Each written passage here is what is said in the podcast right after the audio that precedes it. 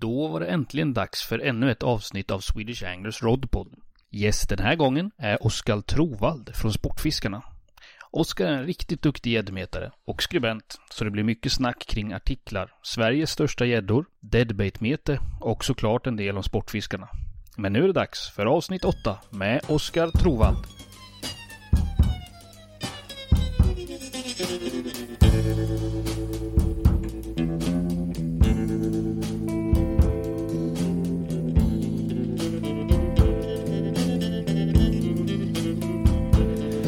Had enough of your bullshit to last me a lifetime. So get out of here.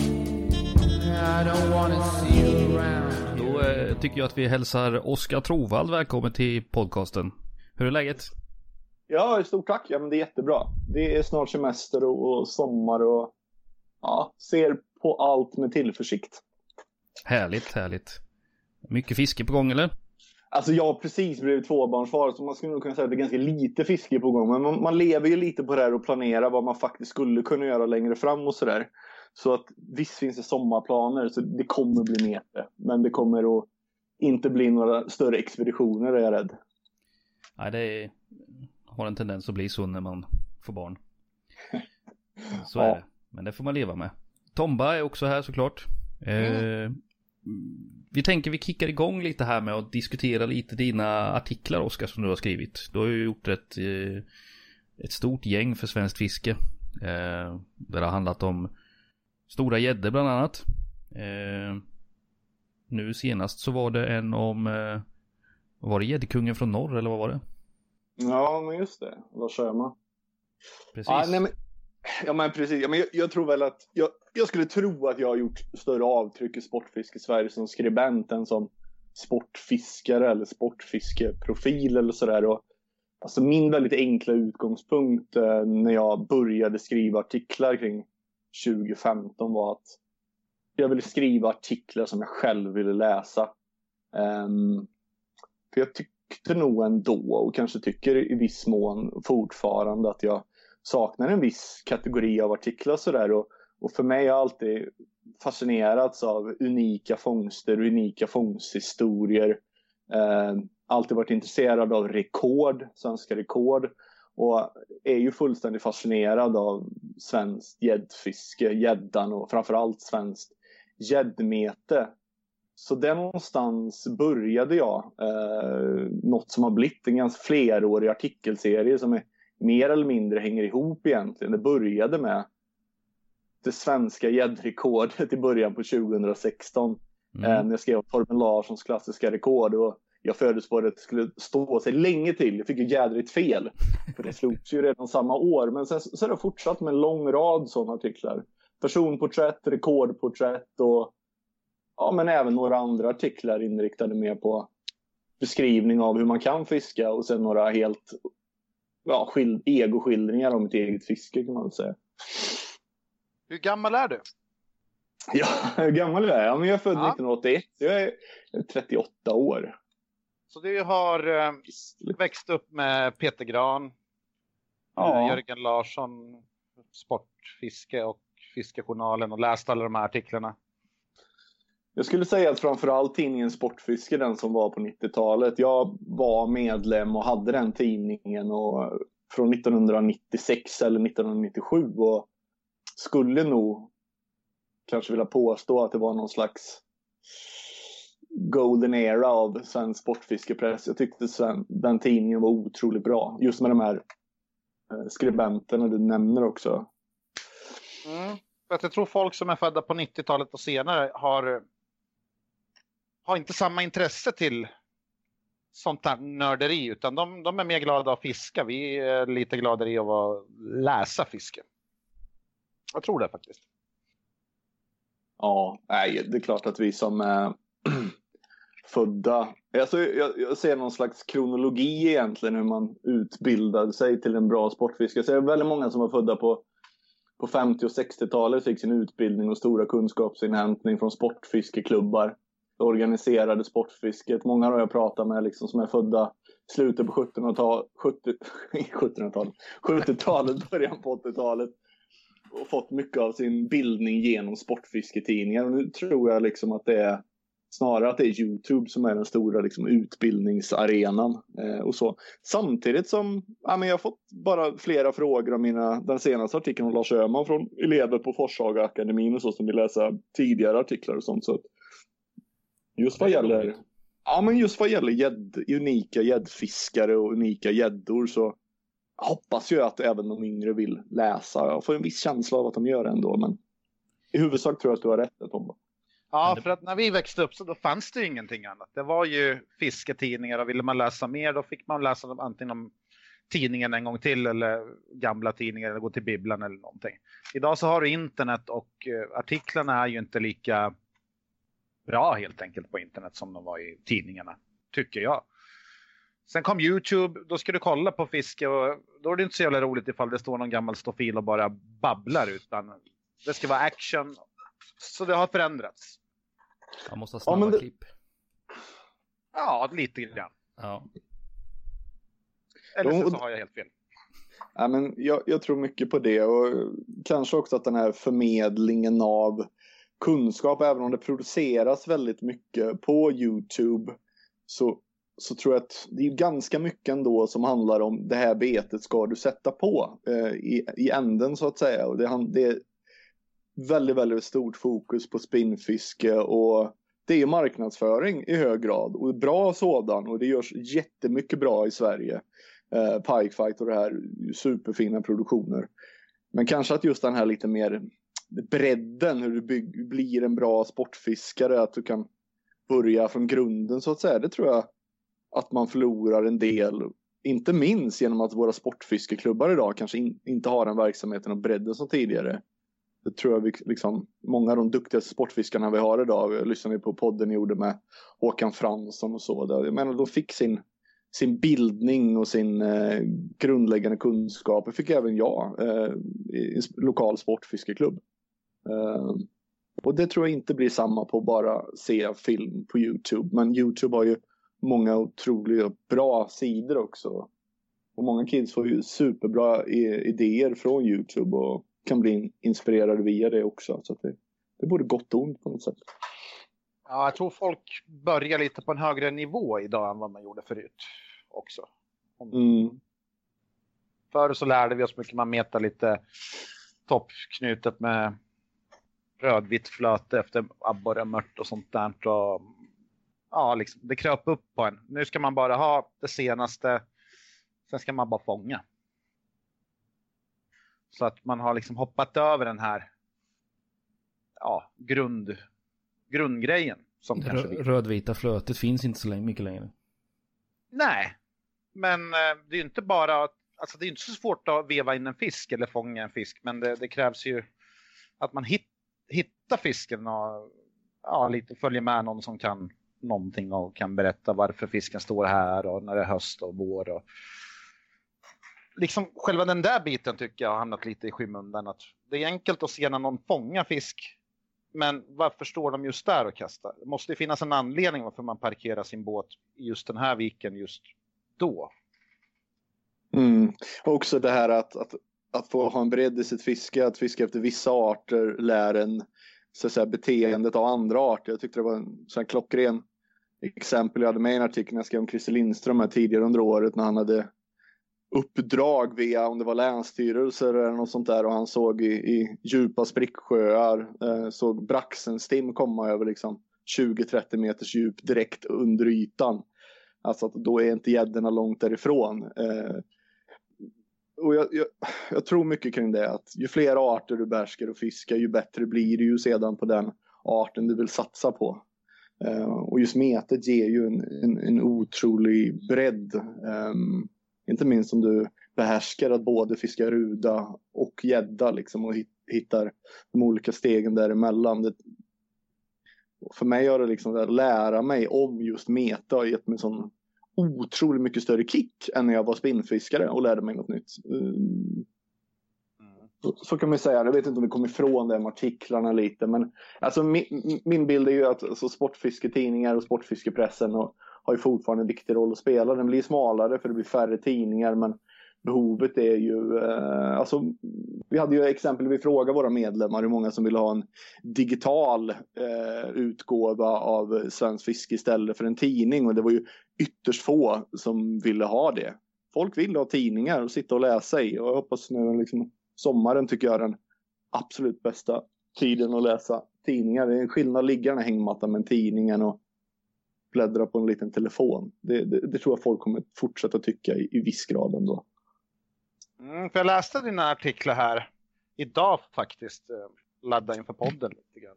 Jag tänkte att du skriver lite gammaldags. Alltså på, du menar på ett bra sätt. Mm. och just det här att när du, när du läser någonting, då vill du inte läsa där du kan se på Youtube, utan du vill ju läsa lite någonting annat, någons tankar eller känslor eller någonting sånt där. För där har ju tidningen en stor ja, stort försprång mot den digitala median. Att man kan förmedla lite andra prylar. Men när tidningarna börjar följa att det ska vara action och det ska vara liksom snabba artiklar på en sida eller någonting, då tycker jag att tidningen har spelat ut sin roll. Ja, alltså att, att, skriva för mig har alltid varit ett sätt att tänka och det skrivna ordet ger ju liksom unika möjligheter för, för reflektion och också liksom att komprimera eller samla liksom kärnan av människor eller av händelser eller av skeenden i svenskt fiske eller gäddmet eller vad det må, vara. Så skrivna ordet har ju en väldigt unik potential just i det också, liksom att kunna... Ja, framförallt så kan du backa tillbaks. Du kan få distans till en händelse.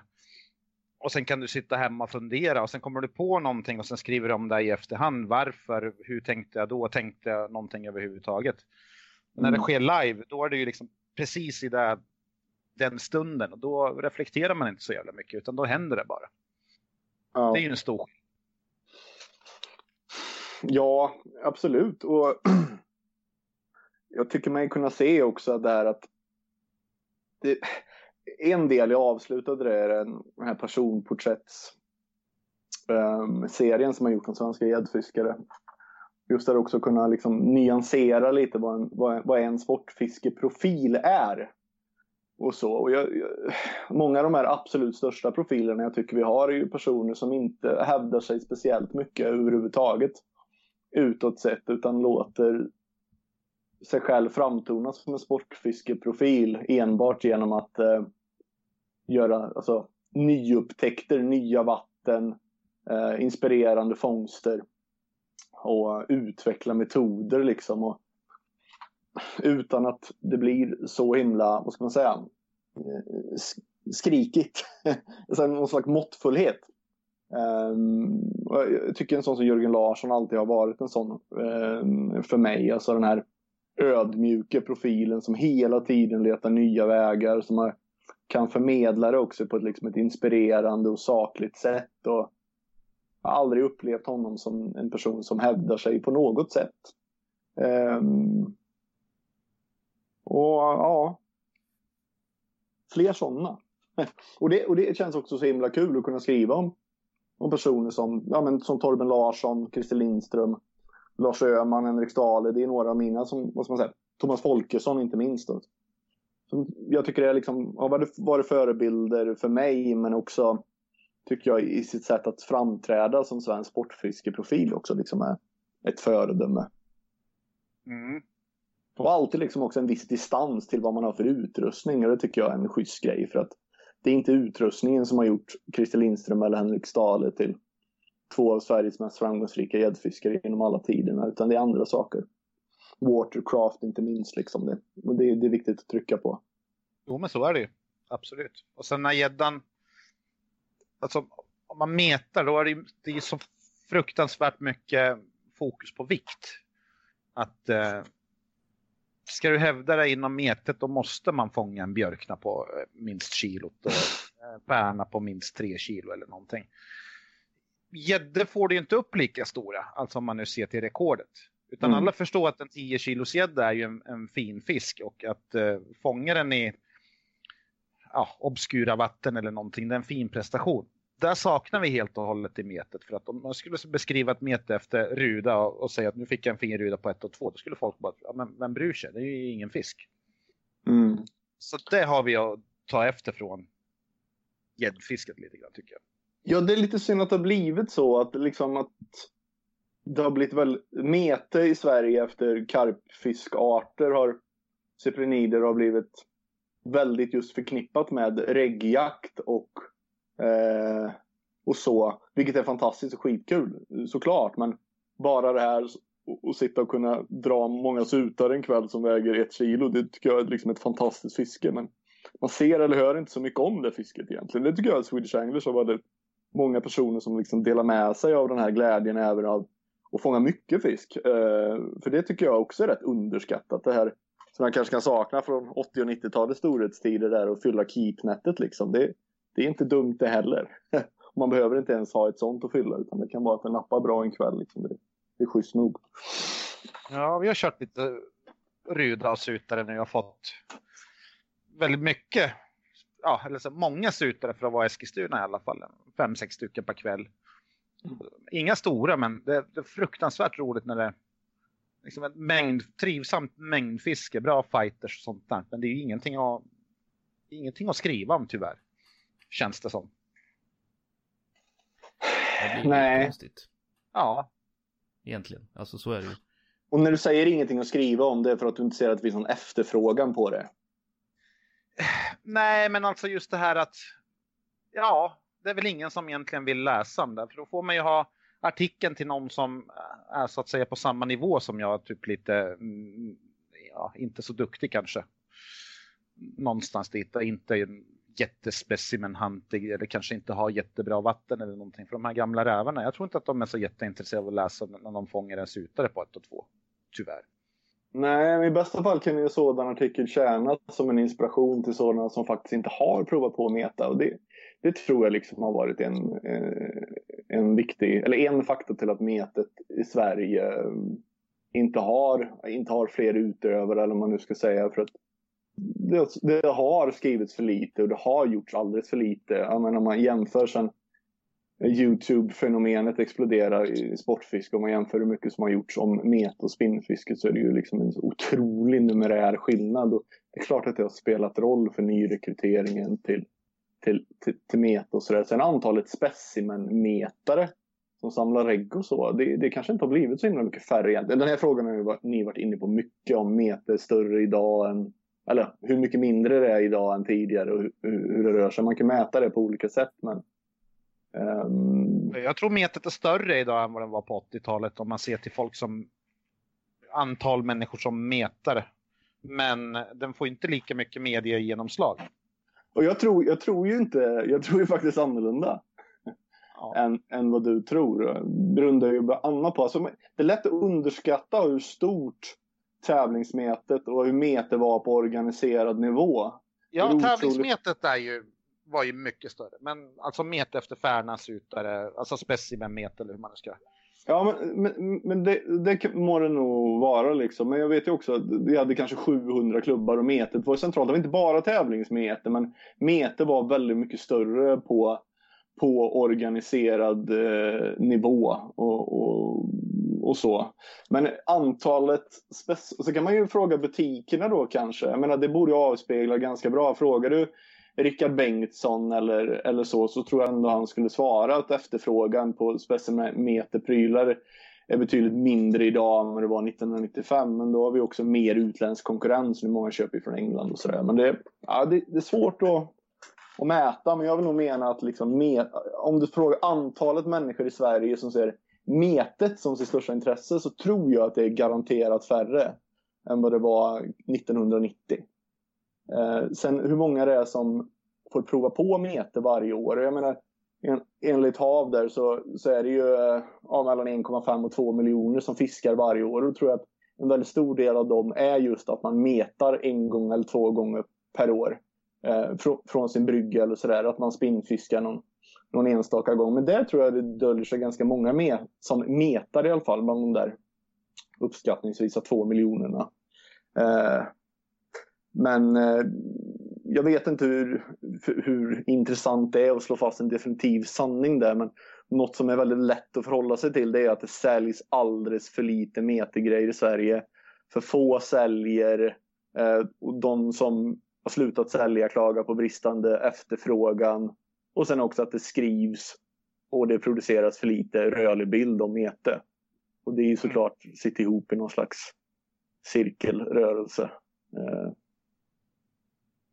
Ja, det är ju, ja, det är ju svårt att säga. Det, det enda sättet man skulle kunna kolla lite grann är väl om man tar specimentävlingen, svenskan, alltså kolla hur många personer som deltog och fick poäng. Säg 1990 och eh, 2018 då. mm. Kan vi kan väl kasta ut handsken till någon kalenderbitare där ute? Jag har Ja, det kan vi. den kunskapen. Ja, det borde någon kunna skaka fram. Ja, Jag menar i år, i år, vad var det? 16 lag som var med va? ja sen är det ju 15 per lag också. Ja, men eh, tittar man tillbaka, jag vet inte hur många lag det fanns förr. Det måste ju varit en väldans massa lag. Mm. Eh, jag vet inte, på 80-talet fanns det inte så många lag i alla fall som fick poäng. Det var ju kanske åtta lag eller någonting sånt där som... Eh, Ja, det är klart, det, det fanns väl alltid något lag som tog två poäng. Som hade några bra lagkvatter men sen sket i resten. Men Mm. ja, lag som tävlade om man säger så. Ja. Nej, jag vet inte. Det är svårt att säga, men det känns som att metet är på gång i alla fall lite grann. Det är ju positivt. Att det... Jag blir glad när ni säger det. Och, och, ja, men det kanske är så. Jag kan jämföra när jag pratat om med två eller tre års mellanrum om, om deadbaiting eller meter från land på Sportfiskemässan. Så kan jag säga att det var ett väldigt mycket större intresse i år än vad det var för, för två år sedan. Och så. så det finns ju sådana här mindre indikatorer man kan väga in i det och sådär. Ni var ju på Sportfiskemässan och kände väl av en hel del tugg antar jag. Ja, det var bra tryck. Ja. Vad, vad, vad stor skillnad i, i år jämfört med året innan? Mm. Och så, så lite mer känns det som att det är och det är många som, som ställer frågor sådär vid, vid sidan av till en och på Messenger och liknande grejer och undrar så här små saker, enkla grejer men ändå som att de har fått upp intresset för och vill prova på någonting annat än bara spinnfisket och lite sådana saker. Så det, det känns ändå som att lite mer uppvaknande. Mm. Eh, och det kan ju ha med det som du var inne på innan här med att man, man ska kunna andra arter för att bli duktig på en art. Eh, det är kanske sådana grejer som kommer igång att ja men under sommaren jag, jag ska ändå inte fiska någon direkt gädda. Jag kan kolla lite hur mörten funkar eller braxen eller vad som helst liksom. Men att det genererar till att man får en bättre kunskap om den arten. Jo, och sen de här eh, artiklarna vi har publicerat, 12 frågor och krönikan, panelen, intervjuer och porträtt och allting. Alltså vissa får ju tusentals läsningar. Och då är det Ja. bara me- mete som, eh, som det avhandlas. Så att eh, det kan ju inte vara samma person som läser den 14 gång- gånger om dagen utan det finns verkligen ett- ett sug för att läsa mete. Ja, det är ju väldigt bra att ni har tagit upp den där handsken. Det finns ju, jag menar, det är ju många som har försökt och nu driver ni det här på ideell basis men det känns som att som John på Meterbolaget tycker jag tog ett väldigt stort ansvar för förmedlingen av liksom, kunskap kring svensk mete och, och sådär och försökte verkligen via Meterbolaget. Um, sen har vi ju Louise Rasmussen har ju förmedlat väldigt mycket jobbat för Mete på sin blogg och, och sådär men eh, och, och, och tidningen, vad heter den? Heter den Metemagasinet och, och sådär? Mm. Och det, det är klart när, när, när de där försvinner också så är det ju, ja Louise är ju kvar men, nej men jag är inne på Swedish Angles varje dag. Jag tycker det, ja men det, det, det är berömvärt och det är väldigt bra, bra ton också. Det är det som jag gillade också att man kan komma som nybörjare och ställa en, en novis fråga och få ett bra bemötande och det tror jag är superviktigt. Och om man inte får det så är det lätt att ja, då kanske man avstår från att lära sig mer. Ja, för det var lite av oron för oss innan vi började. Vi snackade om det där. Ja, men vad fan, vad gör vi ifall det blir sån här ja, ja, problem på nätet? Folk ska hålla på och kasta skit på varandra och så. Men det, ja, fan, vi har sluppit det i mångt och mycket. Alltså. Ibland så kan det hetta till givetvis, men inte ofta alls. Ja, det är väldigt, Ja. väldigt sällan måste jag säga. Det, det har, det har varit förvånansvärt positivt Mm. hela tiden och väldigt många som, som vill vara med och som tycker det är kul och, och, och få ställa upp också på, man ställer frågan om 12 snabba och sådana grejer. Och att, ja men det, det känns ändå som att folk tycker det är roligt liksom. Så det är kul. Mm. Och du hade ju med en artikel här nu i, i Svensk Fiske på ungdomssidorna. Den har jag, jag har fått mycket, hört mycket positivt om. Och många som tyckte det var roligt att den var med där. Och Sutaren fick ju mycket, mycket utrymme överhuvudtaget där på, på våra ungdomssidor och så. Ja, Så att, ja det var roligt. Det känns kul. Och du Tomba, du har ju varit medlem här nu. Du har väl fått eh, dina första tidningar eller? Jajamän, jag är dubbelmedlem.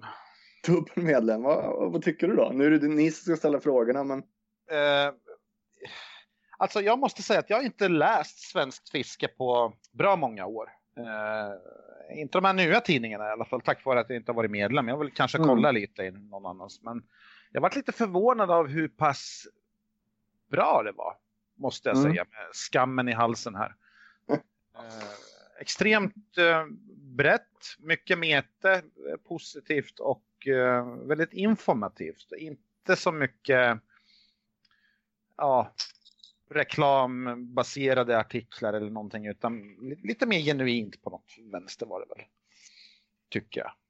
mm. Det är lite surt att köpa en fisketidning och sen läser man en artikel av en välkänd person som jobbar för ett välkänt företag och eh, det känns som att hela artikeln är en lång jävla radda av reklam för just ett bete då. Och det, nej, då känns det inte så jävla kul.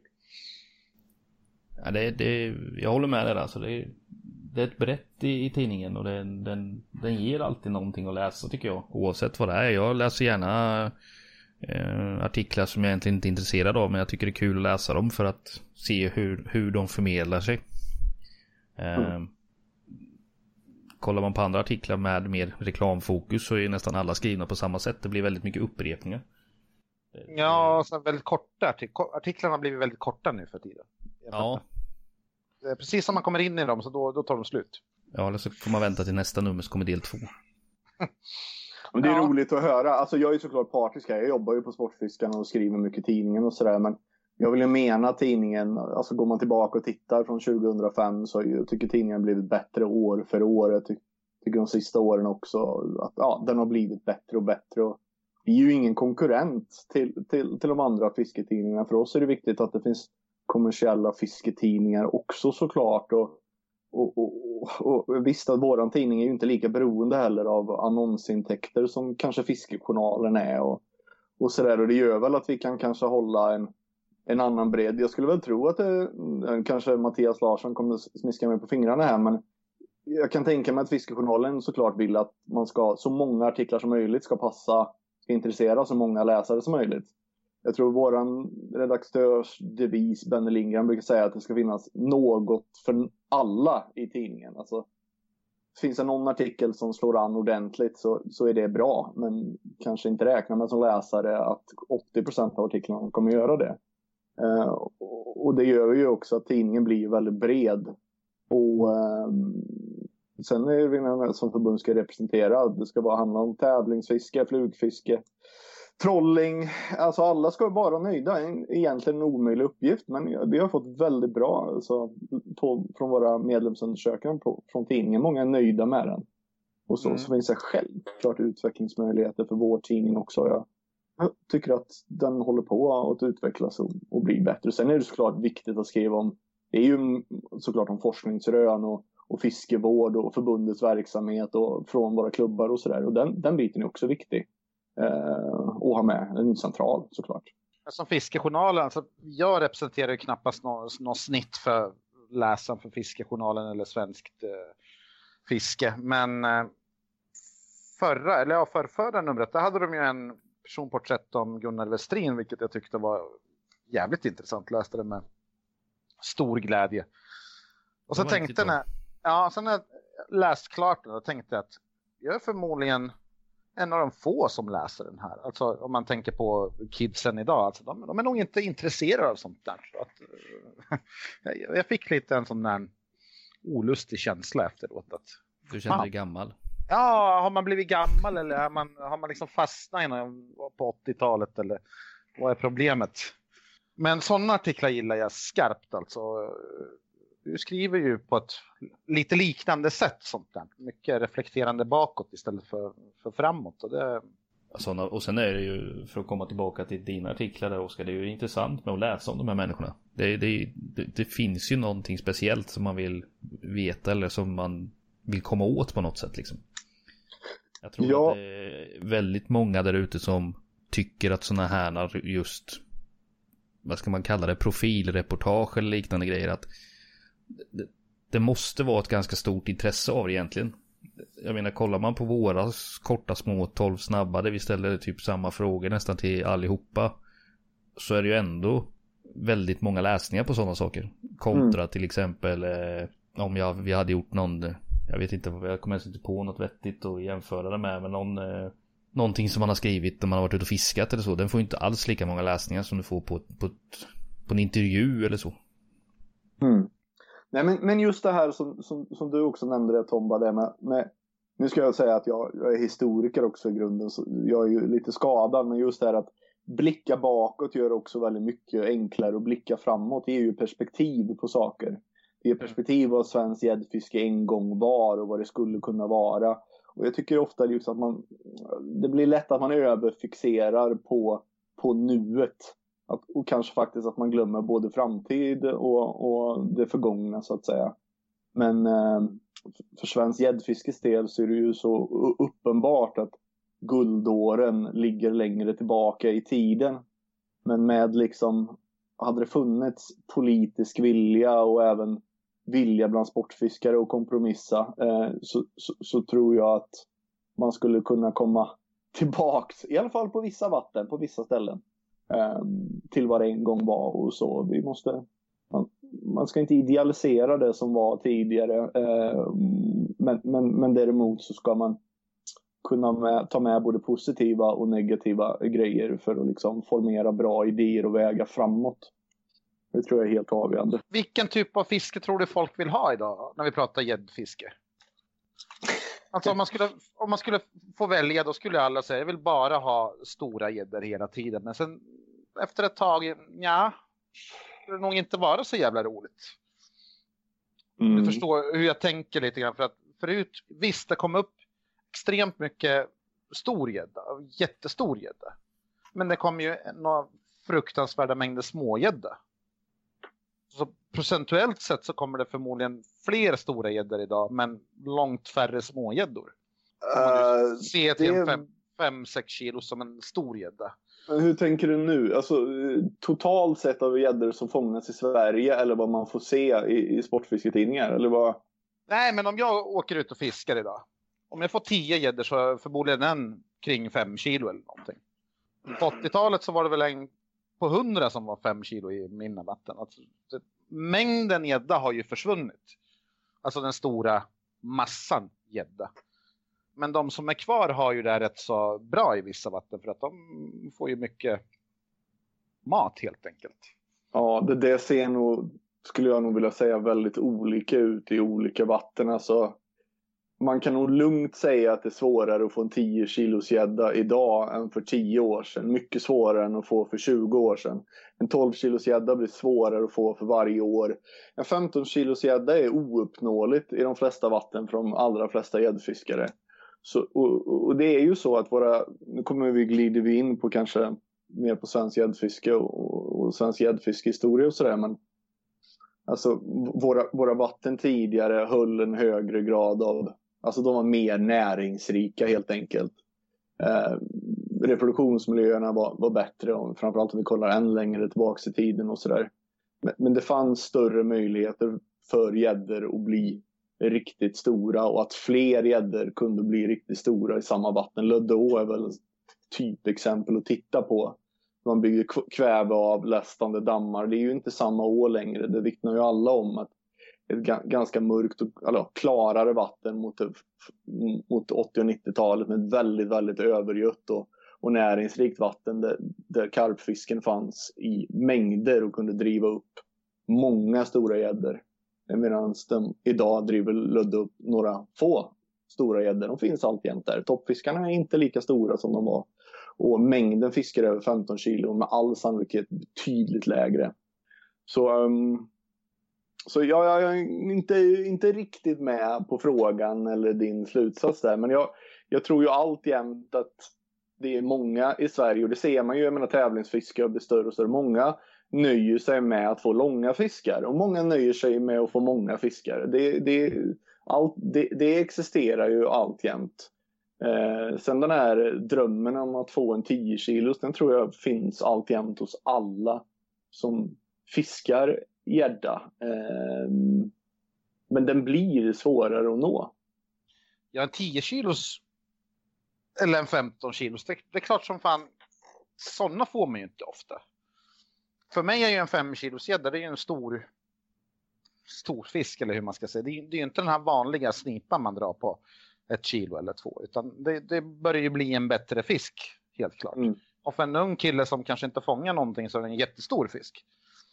Man kan ju inte lägga ribban på 10 kilo för att eh, om du inte kan fiska, om du inte fiskar i extremt bra vatten eller någonting, så får du inte många sådana på en, på en livstid. Nej, allt ja, men i mina hemmavatten om man ser det, det är betydligt svårare att få en 5 kilos än för 15 eh, år sedan. Eh, samtidigt så tror jag nog att jag fångar lika många gäddor när jag är där och fiskar. Ja, det är så... klart det kanske förändrar sig annorlunda på olika sätt. Men här har det blivit så att så fångar du gädda så känns snittet högre. Alltså mm. det är enklare att få gädda kring 5, 6, 7, 8 kilo. Vilket vi märkte när, då när vi fortfarande fiskade gädda för 10 år sedan. Så kom det upp mycket fisk just kring 7-8 kilo. Vilket inte inträffade på 80-talet. Mm. Eh, kanske man inte var lika bra fiskare heller. Jag, jag vet inte vad men det finns ju många saker som kan förändras i, så att säga, ett, ett ekosystem som kan göra att liksom strukturen på storlekar förändras över tid och så. Eh, Ja, så det är stor skillnad på överfiske och om miljön förändras också. Absolut, det är det. Svenskt gäddmete, historik och möjligheter står det här. Ja, men, men det är väl liksom, då kommer vi ner till någon slags punkt och hjärtefråga. Det som jag helst skriver om, det som jag helst läser kring och det som jag allra mest tänker på. Alltså gäddmete för mig, det är det är det ultimata fisket. Det är det som jag lägger otroligt mycket vaken tid och drömmer även om det ibland. Nu får man ju meta kanske mindre än vad man, definitivt får man meta mindre än vad man, vad man gjorde. Och jag tror ju det, liksom att svensk, svensk gäddmete har fortfarande otroligt mycket oupptäckt. Inte minst för att alldeles för få meta gädda.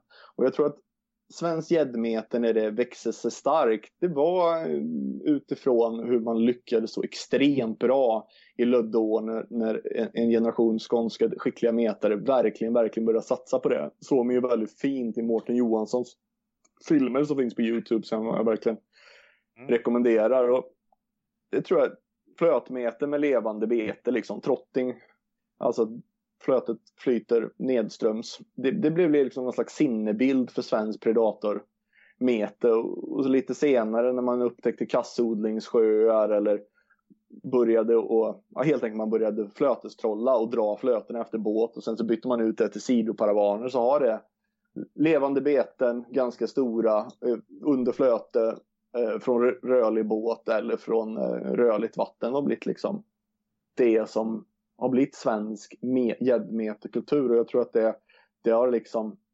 dolt ah, andra utvecklingsvägar än man säger. Då pratar jag såklart om alltså deadbaiting och stationära presentationer. Jag brukar ofta säga det att vi har liksom kanske 90 procent av Sveriges gäddfiskare fiskar på 10 procent av Sveriges gäddvatten. Alltså det har varit en överrepresentation i Alltså i arkipelagiska miljöer i, i skärgård, Östersjöskärgårdarna. Jag menar, det är folk som åker 40 mil för att fiska i Blekinge skärgård när man kan bo bredvid ett litet mindre vatten, eh, kanske med regnbåge i och ett gäng fantastiskt spännande storgäddor. Alltså man, man vill gärna fiska från båt och man vill kunna få många hugg per dag. Man gillar hugget direkt i handen. Och det är vid sidan av en så här flötmetes flötestrollingkultur har gjort att väldigt få har fiskat så som man gör i England, det vill säga fiskar i, i mindre vatten med deadbait eller presentation, ja, stationära presentationer med spöna på banksticks eller ja, och på larm och så. Och det tror jag är den, alltså den den det är ju den outnyttjade potentialen i hela svenskt gäddfiske. Alltså vi, vi är jävligt bra på ismeta, vi är bra på isen, vi är världsledande kanske i förleksfiske med långsam trolling, långsamt spinn. Vi är väldigt bra på att trolla med paravaner och plast och vi är bra på alla möjliga olika typer av spinnfiske numera. Vi är bra på flötmeta från båt men alltså meta från land det är vi fortfarande noviser. Och man ser vilka resultat man alltjämt kan få i ja, i England är framförallt kanske Shoe Valley, men om man ser henne från Nederländerna och så i mindre vatten. Alltså deadbaiting är en metod som sållar ut stora gäddor och kanske delvis också fångar andra gäddor än vad man gör på, på, på, på spinn eh, och så. Och det tycker jag att, ja, det, och det försöker jag ju skriva en del om och prata en del om. Jag, hade tyckt det var väldigt roligt om fler metade gädda på det sättet. Christian, du har också skrivit en del om det. Mm. Och, och, det, och det är ju dels för, att, dels för att jag älskar meta och vill pusha för metet men också för att fler gäddfiskare behöver fiska i vatten där ingen fiskar gädda idag. Färre bör fiska gädda på hårt åtgångna bestånd i skärgårdar med mera. Eh, och jag menar, jag är ute här i Västsverige och fiskar på vintrarna så jag ser aldrig, jag ser inte en person. Jag ser ingen annan som fiskar. För att alla centrerar sig vid samma vatten. Åker du till Göta älv kan du garanterat se ett gäng. Men alla andra vatten då?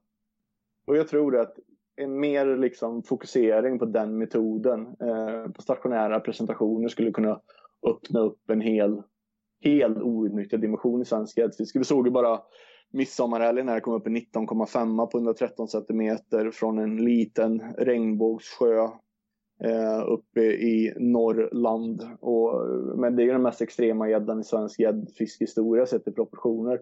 Och tänk bara vad som döljer sig där ute. Jag vet att många blev upprörda att fisken dog och ja, den var felkrokad och sådär. Visst. Men för, för mig betyder gäddan allt liksom. Det är alltjämt ett fruktansvärt intressant gäddfiske. Proportionerna, vikten, det är det gäddfiske handlar om för mig. Eh, och det finns fortfarande oanade möjligheter där ute som helt enkelt inte utnyttjas på grund av att folk tror jag inte kan, kanske inte orkar sitta och vänta och heller inte får på grund av dumma fiskeregler som, som sätts lokalt. Det var någon slags brandtal, men det, det är någon slags syntes av hur jag ser på svenskt gäddmete. Men tror du unga människor är de lika inriktade på det här att lägga jävligt mycket tid på att få en enda stor fisk eller vill de mest bara ut och kasta och ha lite kul? Snabba resultat och... Jag tror inte man kan generalisera unga och säga att de har den inriktningen. Jag tror alltjämt att de som väljer att satsa på sportfiske. Jag var uppe på Sportfiskeakademin förra året och, och pratade om just det här. Och det var ett gäng som direkt gav sig ut och ja, men tog pers på första försöket bara på kasta ut en sill. De lämnade de här tailbetarna för 500 spänn hemma och köpte en sill och kastade ut och slog pers. Alltså, vågar man bara, test, vågar man bara testa och ta det steget uh, och man kan fånga fisk så tror jag liksom att skulle många mer kunna tänka sig att göra det. Men någon måste ju visa vägen. Och nu menar jag inte mig själv, men, men det behövs liksom öppnas upp fler ögon. Alla skulle definitivt inte bli deadbaitade Tomba, men fler skulle bli det. Det är ju Ja, ja, ja. Nej, det, är, det är inte så eh, jag menar här. Alltså, det lilla gäddfisket jag har bedrivit på sistone har ju varit antingen extremt lätt spinn eller sen uh, meter då, vilket jag tycker är kul. Och sådär. Men när jag ser på kidsen idag på mässan, jag tänkte just för att du snackar ju med kidsen, det gör ju inte jag.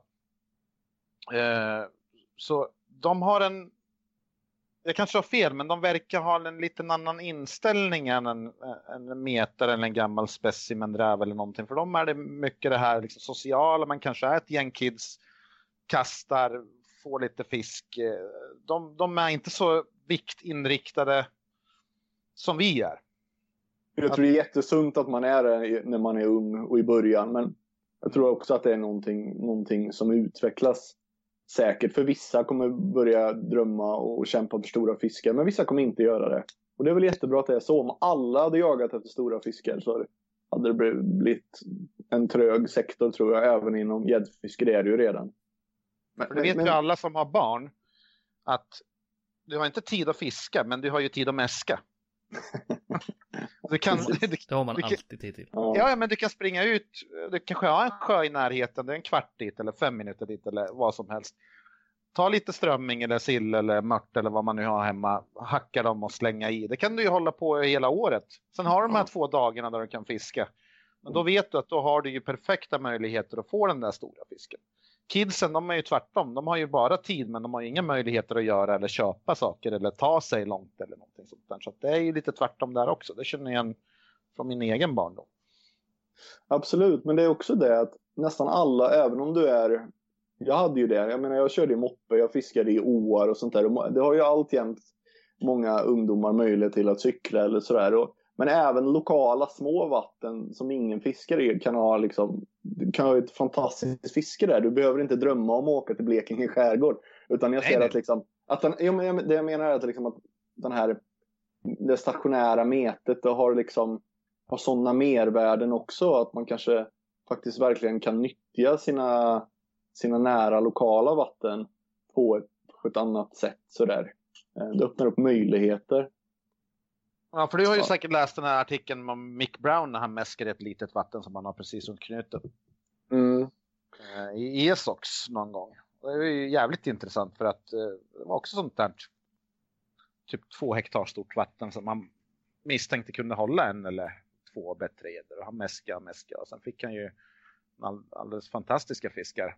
Mm. Och flera stycken över tio. Mick Brown bodde i The Fenlands där det finns väl över 3000 konstgjorda vatten. Eh, det vill säga enfyllda grusgropar och sådär. Han hade ju han var ju också professionell gäddmätare så han hade det en dag i veckan som han hade under året. Rotationsschema där han alltså en dag bara åkte och förmäskade kanske 15-20 olika vatten. Mm. Eh, och ganska stora mängder. Och just det, det, och det hör ju till den här outnyttjade dimensionen i svensk gäddmete. Just Alltså, pre, alltså förmäskning, det är ju ganska föga utnyttjat och det är riktigt effektivt i rätt vatten att mm. göra det. Så det finns, det finns väldigt mycket att utnyttja och lära. Men det är likadant nu om man då vill testa på och, och deadbaita. märkte ju det att nu när man, ja, det finns inte så jättemånga ställen att köpa grejer ifrån. Eh, så det är svårt också när man är 16 år att beställa från England kan det vara. Så, där. så att, ja, nu finns det ju eh, några ställen man kan beställa från i Sverige men det är inte, det är inte jättelätt att hitta. Och framförallt inte den lokala sportfiskebutiken. Eh, nu har ju faktiskt, jag ska inte göra någon reklam, men eh, nu har ju, eh, alltså Fox har ju ett bra sortiment för, eh, för predatormete och för deadbaiting, det vet ju du Christian. Och nu har ju, eh, Bios har ju faktiskt, eh, jag har ju agenturen så varenda svensk sportfiskebutik kan ju plocka hem de här grejerna om man faktiskt frågar efter det i sportfiskebutiken. Eh, om man nu är kund hos Bios då. Och det är ju ganska många butiker som är. Så det finns ju rätt goda möjligheter ändå. Eh, och så. Man får nog ligga på de här lokala butikerna lite, tror jag. Om man är intresserad. Och det kan vara fler som är intresserade på orten. Sådär. Vad behöver man då? Om, du ska, om det finns någon som lyssnar på det här Ja, men jag tycker inte du behöver speciellt mycket. Men om du tänker dig att du faktiskt just där med, med deadbaiting, det är det du vill hålla på med. Jag tycker 3,25 pund spö och gärna om du kan köpa ett spö som är gjort för deadbait. Det vill säga att du som böjer sig långt ner och du, du kan kasta tungt bly och ett stort bete. Det kan du göra mycket bättre än med ett karpspö tycker jag i alla fall. Uh, och sen så behöver du en, en, en, två, om du nu ska fiska utan flöte så ska du ha två bangsticks och en, en dropparm, eh, tycker jag, så kommer du ganska långt med. Eh, och sen behöver du lite ändtack, eller det behöver du egentligen inga specialgrejer alls. Men att göra en egen dropparm, det vet jag att eh, Louise Rasmusson har bra på sin hemsida, något, hur man kan göra det. Och så, här. så kan man köpa en från Fox eller Korum har någon också någon och sådär. Men det tycker jag är en bra början. Och sen tycker man att det verkar kul så gå vidare på ett elektroniskt nattlarm. Eller så kör man bara deadbaiting med flöte. Rulla med baitrunner-funktion. Ja, eller ja, nej, du behöver ingen baitrunner tycker nej, jag. Men, jag tycker man ska köra med öppen bygel. Det, kommer du, det tycker jag man ska mm, köra med eh, faktiskt. Om man vill köra deadbait och sådär. Så man kan börja med sin vanliga hasperrulle med den fläslinan man har på tycker jag. Eller om man har någon, eh, ja, men nylon kan du också köra. Framförallt om du kan köpa lite närmare distans och så. Ja, nylon är ju väldigt underskattat. Ja, det finns ju, alltså nylonlinjer tycker jag har blivit rätt mycket bättre. Mycket bättre. Sjunker bra och kastar längre och är lite mindre elastiska och sådär så kan man ju, det kan du ju också såklart fiska med. Självklart när du kör gädda. Och det är ju att köpa ett vet Daiwa har väl fem, sex olika medaljer. Alltså du kan komma undan med 500 kronor. Jag ser ju liksom nu på mässan när kidsen ska köpa spinnspö uppe och liksom på en 2000 spänn om du ska ha ett vettigt spö. Kan de ha bilden av att det ska vara så att ett spö eller två spön. Det kanske kan bli en julklapp om du har snälla föräldrar. Ja men det, det är ju alltså. Det krävs ju inte så jättemycket grejer egentligen. För att, komma, för att börja testa. Nej. Och, och så tror jag att det är så otroligt viktigt också att tänka på att jag tror misstaget man gör ibland i, i svensk när man ska prova på det är att man liksom bara kastar ut en sill ute i en sjö eh, när det, vattnet är jättenära och frysa. Du har ingen aning om hur botten ser ut och förväntar dig ett hugg på två timmar. Så jag tycker man ska liksom passa på att göra sina första pass. De här krispiga tidiga hösten, börja på se sena september, oktober, något att testa där. Har du möjlighet att poppa ett bete, kör på det. Eh, och har du möjlighet att och, ehm, och så undersöka botten så, så kör på det och försök att då tror jag att man har störst chans. Och då kan man bli väldigt överraskad. Det blev jag när jag kom igång med det här för ett gäng år sedan. Liksom att, aha, det går så fort dessutom. I en å eller en åhölja är det kanske, eller en kraftverksdamm kanske optimala stället att börja också. Där det gäddorna van vid eh, slaktad fisk från tur turbinerna, sorgligt nog. De har en vana att stå där och tugga i sig rester av ål och nejonöga och vad det mer kan vara. Och det är ett väldigt tacksamt tillfälle att fiska ett deadbait. Men jag tror en liten där i Sverige har blivit Alltså engelsk litteratur, man är ganska tydlig med det här att alltså vattentemperatur som understiger 4 grader, det är någon slags kritisk gräns. Det börjar deadbait att bli något mindre effektivt eh, kontra livebait. Så jag tycker man ska vattentemperatur är kring 5, 6, 7, 8, 9, 10. Det, det, det är min erfarenhet av varit det bästa. Sen vet jag Stalen han pratade om när han har kört i skånska år, han menar att det var bäst där när det var riktigt, riktigt kallt i vattnet. Så kan ju finnas lokala skillnader också när det funkar bra. Mm. Så är det säkert. Eh, jag vet själv när jag har kört en del, nu var det några år sedan jag la mycket tid på det men då var det ju som du sa, jag började ju någonstans i början av oktober och sen kanske jag jag tror jag hade varit ute och mäskat upp två platser två gånger innan eller något. Jag hann ju ens inte få Alltså det första hugget kom ju i droppen. Mm. Det som är så jävla häftigt med det här fisket, det är inget evigt waiting game. Det är, inte, det är inte karpfiske i en stor svensk karpsjö, utan det är liksom... Har du... Du kan ju få 5, 6, 7, 8, 9 gäddor på en, på en halvdag om du hamnar rätt liksom. Absolut. Och det tror jag heller, liksom, det är inte många som... Det är inte lätt att ha den bilden om man inte ens har en bild av vad deadbait-fiske är och innebär och så. Vi, det ska jag faktiskt göra lite förreklam för, men Sportfiskarna, vi har faktiskt spelat in en film eh, som handlar om eh, stationärt mete i en liten sjö någonstans. Den kommer nog till hösten tror jag. Den, den tror jag blir trevlig att se. Det blir väldigt lågt tempo, mycket slow motion, inget hets, inga skakiga kameror utan det blir, det blir nästan som en enda lång musikvideo jag en känsla av. Så ehm, ja, den utlovar vi framöver. Ja, det är gött. Det, det ser vi fram emot ju. Mm. Vi, vi som gillar det här gamla, sega. Ja, men inte fokusera på det gamla heller tycker jag. Alltså, det, det, alltså, jag, jag ser Forshaga-kids och, och med mera som älskar det här fisket från år till år och de har liksom ett bra vatten och de har lätt att få kunskap eftersom det är föreläsare där och så. Jag, jag tror det gäller för många barn och ungdomar ute. Jag är nationellt ungdomsansvarig och när man väl liksom får närkontakt med barn och ungdomar och får visa fiske på nära håll och ge dem aha-upplevelser, då är det skitmånga som kan tänka sig hoppa på det här. Men det är det som är problemet lite idag. Alltså, vi kanske kommer till det sen, men jag vill återigen tycka på Sportfiskeklubben och sportfiskeföreningarna var en enormt bra och är fortfarande på många ställen en bra, otroligt bra arena för att liksom lära dig kvalitativt och få djup och bredd. Och jag önskar att vi hade några deadbaiting-klubbar i Sverige där barn och ungdomar kunde komma till där vi inte har kontor och har möjlighet att möta barnen. Uh, jag tror alltjämt liksom att Mete har en, har en framtid och det har nog inte så mycket med ålder att göra. Utan jag tror det har med att vi har olika mentaliteter eh, och får man bara prova på så kan man liksom hitta rätt redan som ung i det här fisket. Ehm, det, det, är verkligen min, eh, min övertygelse. Men allt för få får prova på. Så är det. Och allt för få får någon slags introduktion eller liksom eh, inspiration från vad som produceras. För det produceras nästan ingenting sånt i sportfiske i Sverige. Amen. Nej, och sen när man tänker efter hur ytterst få det är i den stora hela som, som metar efter eh, gädda och hur många stora gäddor som tas på metet. Så bara det är ju en eh, pekare på hur effektivt det är efter storfisk. Ja, ja verkligen. Det, det, är ju en jättebra poäng. Det kan man ju liksom titta igenom storfiskregistret och sådär. Absolut. Och varje år kommer det ju exempelvis från, från Forshagaforsen och sådär på eh, som bifångst på lakmet och sådär. Stora häftiga gäddor. Bland de större som kommer upp därifrån. Så. Mm. Och, och, ett jättebra exempel är också Shoe Valley i, i, utanför Bristol i England, västra England som är kanske världens bästa gäddfiske eh, har varit de sista åren. Och där får du fiska med sea, eh, uh, deadbait från land med två spön med, med seabait så du får spinnfiska. Och vissa dagar är det ju trots då att båtfiskarna får röra sig i stort sett över hela sjön och bankfiskarna är liksom hänvisade till en plats så finns ju vissa dagar där uh, deadbaiting from the bank så att säga fullständigt fiskar skiten ur spinnfiskebåtarna. Och det tycker jag också är, det är ju jätteinspirerande att få den här liksom skarpa jämförelsen på plats. Så finns det vissa dagar då spinnfisket är bättre.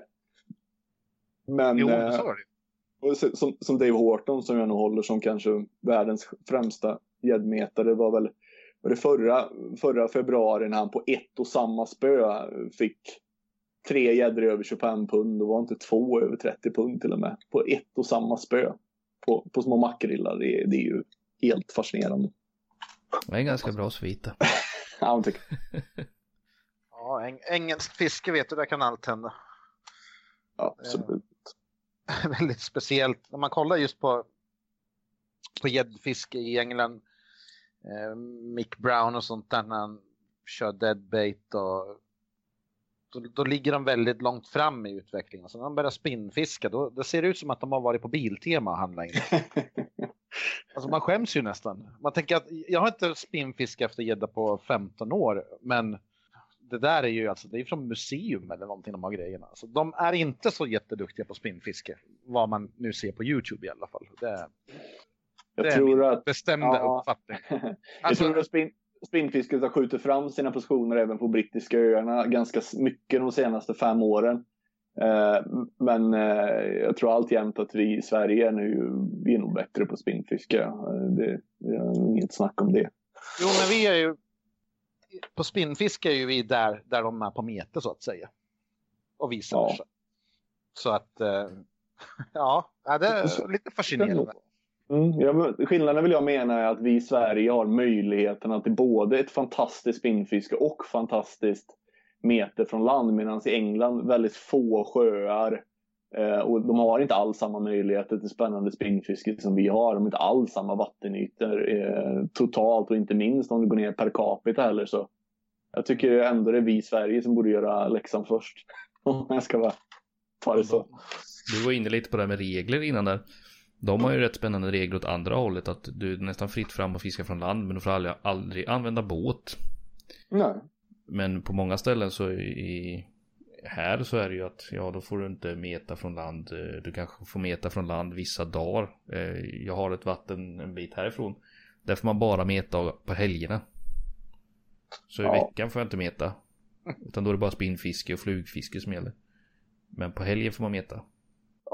Ja, det... Sådana regler har jag sett lite överallt. Nu är det här ett regnbågsvatten så det, det skiljer sig lite mot vilket vatten som helst. Men... Man kan väl också säga så att vi har ju väldigt långt kvar. Vi skulle kunna få ut mycket mer av vårt gäddfiske med en annan liksom förvaltning och an, an, an, annat regelverk. Exempelvis att det är förbjudet att meta över hela året eller Eh, efter gädda i många, exempelvis i flera halländska åar och, och sådär. Istället för att, och i, i många regnbågsvatten också helt förbjudet att meta varenda månad på året.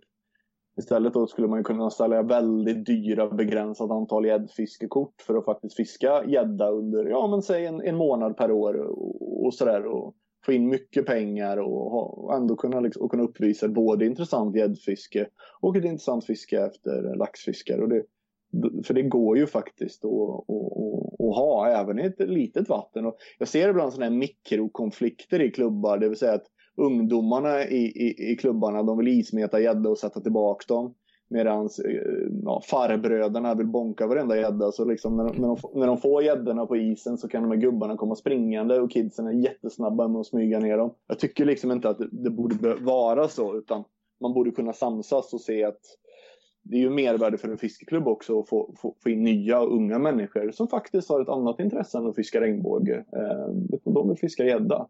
Så ja, det är något äh, jag hade önskat. Ja. Känner igen det där så väl så det är helt galet. Sen kostar ju regnbågarna pengar. Det är ju alltid det, är ju det det handlar om. Liksom, sådär. Då, då får man väl hitta någon slags kompromiss där också. Det kanske kan vara värt att offra några regnbågar för att få in nya unga människor i klubben och sådär. Men det är ju lätt ja, att sitta här och säga. Precis så är det ju, men man behöver kanske se över lite vad som har hänt de senaste 45 åren också ibland. Eh. Ja, det finns exempel också på, på framsynta fiskevårdsområden som förvaltar åsträckor där man öppnat upp för meterkort eh, över eh, hela, liksom, ja, när laxsäsongen är stängd så att säga. Billigare fiskekort och du, och du får meta eh, gädda eh, och du får meta eh, färna och id eller vad det kan vara. Jag hoppas att det blir fler sådana fler sådana exempel. Och det är ju, vi får ju till sportfiskarna att det kommer just fiskevårdsområden och vill ha hjälp med fiskevårdsplaner eller sportfiskeplaner. Och det är ju något som vi ofta brukar föreslå just där. att hallå, där, här, har ni också intressant fiske, öppna upp för det. Det kan vi göra med. Nästan alltid vill jag ändå ett fiskevårdsområde ha in pengar och då eh, kan man ju faktiskt öppna upp ett fiske på ett hållbart och intressant sätt. Ja, ja, det är ju, det är ju bara dumt att inte göra. Du fiskar ju på helt, helt skilda saker och helt skilda sätt. Så att, eh, att, att ha vattnet stängt i tron om att det på något sätt ska, jag vet, inte, jag vet ens inte vad det är de vill ibland, men skydda sin, sin lilla kaka på något sätt. Ja, och kanske slippa tillsynen under ett halvår också när det är kallt och jobbigt ute. Eh, Ja. så i alla fall att slippa kolla. Då vet man att det, alla som fiskar, är det någon som fiskar då är det en tjuvfiskare. Du behöver liksom inte gå och kolla det. Eh, ja, det kanske lät lite konstigt. Det, det kan ju ligga något i det, men då får man försöka lösa det på något vänster. Visst, om man vill så finns det möjligheterna. Det... Ja, oh ja. Eh, så är det. Vi, vi måste ta nästa punkt här. Tidernas största svenska gäddor. Vi har varit inne och snurrat lite på den. Ja, och det, det, det är ju liksom också ett sånt här hjärtoämne som ligger ju väldigt nära till hands till generella intresset för, för gäddfiske och gäddmet och sådär.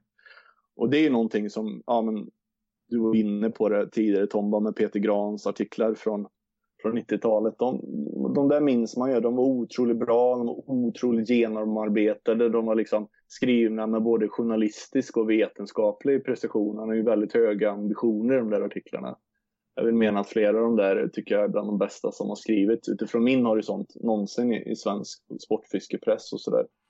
Eh, och ja, men så, nu när Peter inte skriver längre och sådär och kanske inte så många heller andra har skrivit om just det historiska perspektivet på stora gäddor och sådär. Vi hade Håkan Brugård som storfiskregistrerare som skrev om det tidigare så började jag göra det lite så smått för, för några år sedan och sådär och hållit en del föredrag och för lite, lite statistik och, och sådär och kollar på gamla fiskar med, med kanske nya ögon och sådär. Så det, det, det är ett stort intresse. Eh, och det kommer nog komma fler artiklar kring det här, kring det här framöver.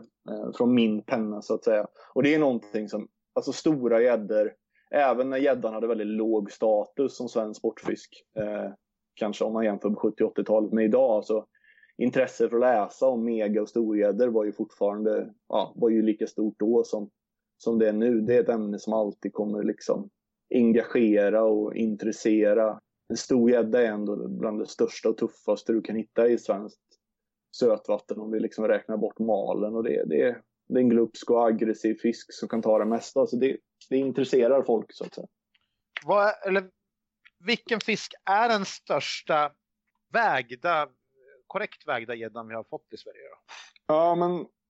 Är det Åke Nilssons eller har vi fått Ja, någon? men det är, det är Åke Nilssons uh, 21,45. Uh, jag, jag, jag hör ju till den. Alltså när, när jag destillerar och man får använda någon slags Ockhams rakkniv tycker jag när det gäller stora gäddor man får skära bort en del gäddor där vägningsprocessen eller bevittningen av eh, eller övrig bilden liksom eller årstid. Alltså där det känns, där det, där det är inbyggt orimligheter så är det ju en hel del tycker jag som får plockas bort och då hamnar ju Åke Nilssons 2145, den är väg på postvåg med flera vittnen och sådär. Det, det, det, det, är den, det är den tyngsta.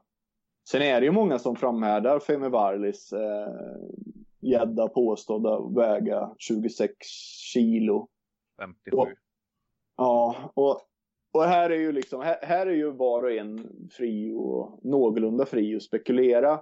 Jag hör ju till den skolan som faktiskt både betvivlar att den är spöfångad och som också betvivlar den där vikten. Jag tycker den är jag tror inte, för att en, en, fisk, svensk, eller för en gädda överhuvudtaget ska kunna väga så mycket så bör den ju vara 140 eller ja, där kring. Och bilden är ju en bra effektfull presstagen bild. Femi Varli var kort, bilden ligger framför den knäsittande fotograf och jag tror ju att den riktigt Alltså det är en jättestor och fin gädda men den kanske, säg om den vägde 20 kilo så hade den nog kunnat se ut så där på bilden. Jag, jag, jag tycker att... tagen i juni dessutom.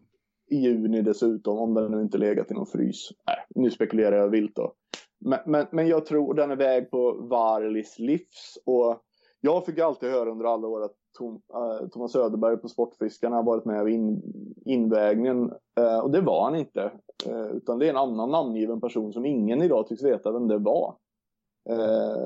så, och jag tror aldrig riktigt vi kommer komma till exakta sanningen vad gäller Femivarlis gäddor. Jag tror vi får liksom undra en hel del. Men vi kan ju se det sammantaget. Jag gillar ju inte det här. Alltså, jag, hatar osannolikheter och att om vi ser, man kan ju innan man, man särskådar gädda för gädda så kan man ju faktiskt börja titta på serien i stort. Och att Femi Varli då skulle ha fått sju gäddor över 15 kilo på fem år, varav fem skulle vägt över 17 och tre över 20.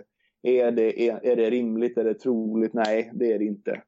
Det är lite Jürgen Nötslöv det där. Va? Ja, det är ju mycket Jürgen Nötslöv det. Och, det. och det är ju faktiskt ganska få år emellan. Och så man, jag tycker nästan man får uh, skilja, so skilja saker åt här. Att, alltså, jag tycker Femi Varli är kanske en av Sveriges största sportfiskeprofiler genom tiderna. Han är onekligen, bilderna är ju svårslagna och han är ju liksom 80-talets förkroppslighet eh, för mig tycker jag. Men eh, den sista kan vi också säga, den här sista gäddan från 1987 på 20 den dömdes ut av alla. Eh, har en gädda dömts, om, dömts ut som fullständigt otrolig, då kan man ju också faktiskt kasta ljus tillbaka på den som kom året innan.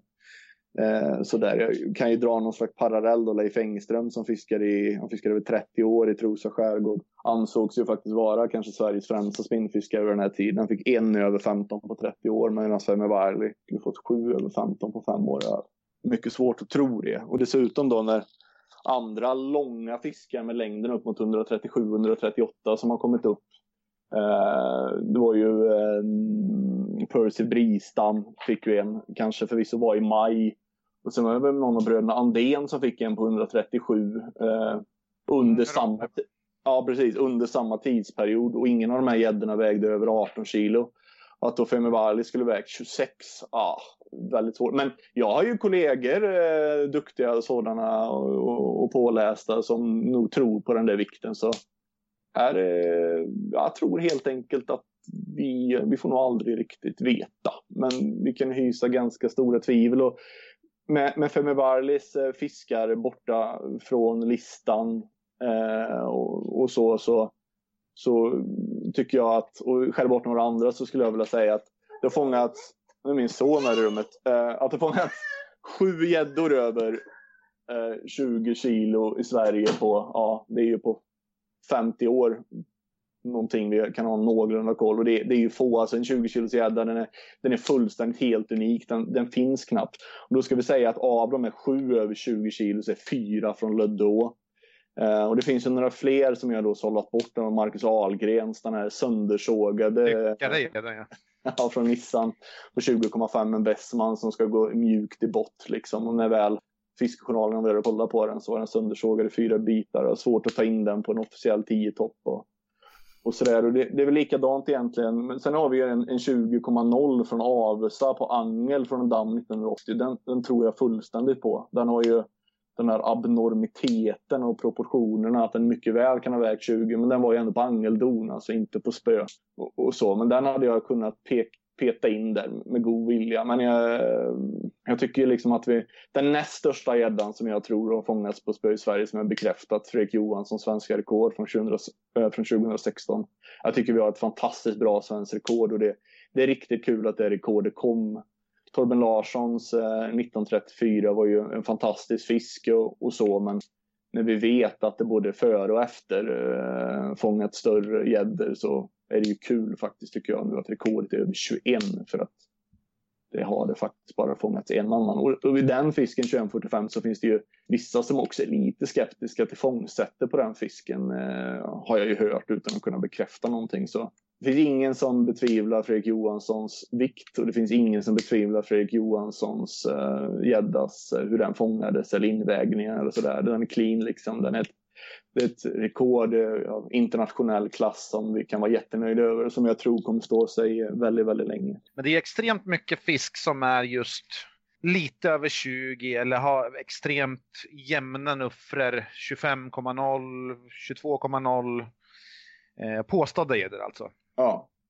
Eh, så den enda som man egentligen har fått en, ja det är väl Anders Perssons på 20,01 då som är väldigt exakt. Eh, Femi Vardis 26,57 och så. Så oh. att eh, kollar du historiskt så, så, skulle man ju kanske tänka att ja, den vägde 18 men vi säger att den är 20. Ja. Det blir jättebra liksom. Men att höfta decimalerna eller hitta på marginal, eller decimalerna 57, det kan man ju likväl göra. Och just, just den där fisken som du tar upp där, Anders Persson, den hamnar väl hamnar ju på topp 10 och, och, och, sjunde plats tycker jag genom tiderna. Och den fisken, det säger de som var med och bevittnade den där. Jag tror Dick Persson bland annat och någon mer såg den att den eh, dödades ju och blodades ur och, och tappade ju vätska och den vägde sannolikt mer. Mycket, den skulle kunna ha vägt 21. Det, när man ser den på bild när han står och håller den, det är väl mitt inne i centrala Helsingborg där. Jag har sett den även på, för rätt många år sedan på väggen där på butiken, eller depån den heter. Så tycker jag att det är en av de, ja den är otroligt imponerande den gäddan. Eh, mm. Helt fascinerande gädda. Det kan man också säga att eh, av de här tio toppgäddorna så är ju två eh, av dem är ju eh, tagna som slumpfiskar på abborrfiske. Det är ju toppfisken 21.45.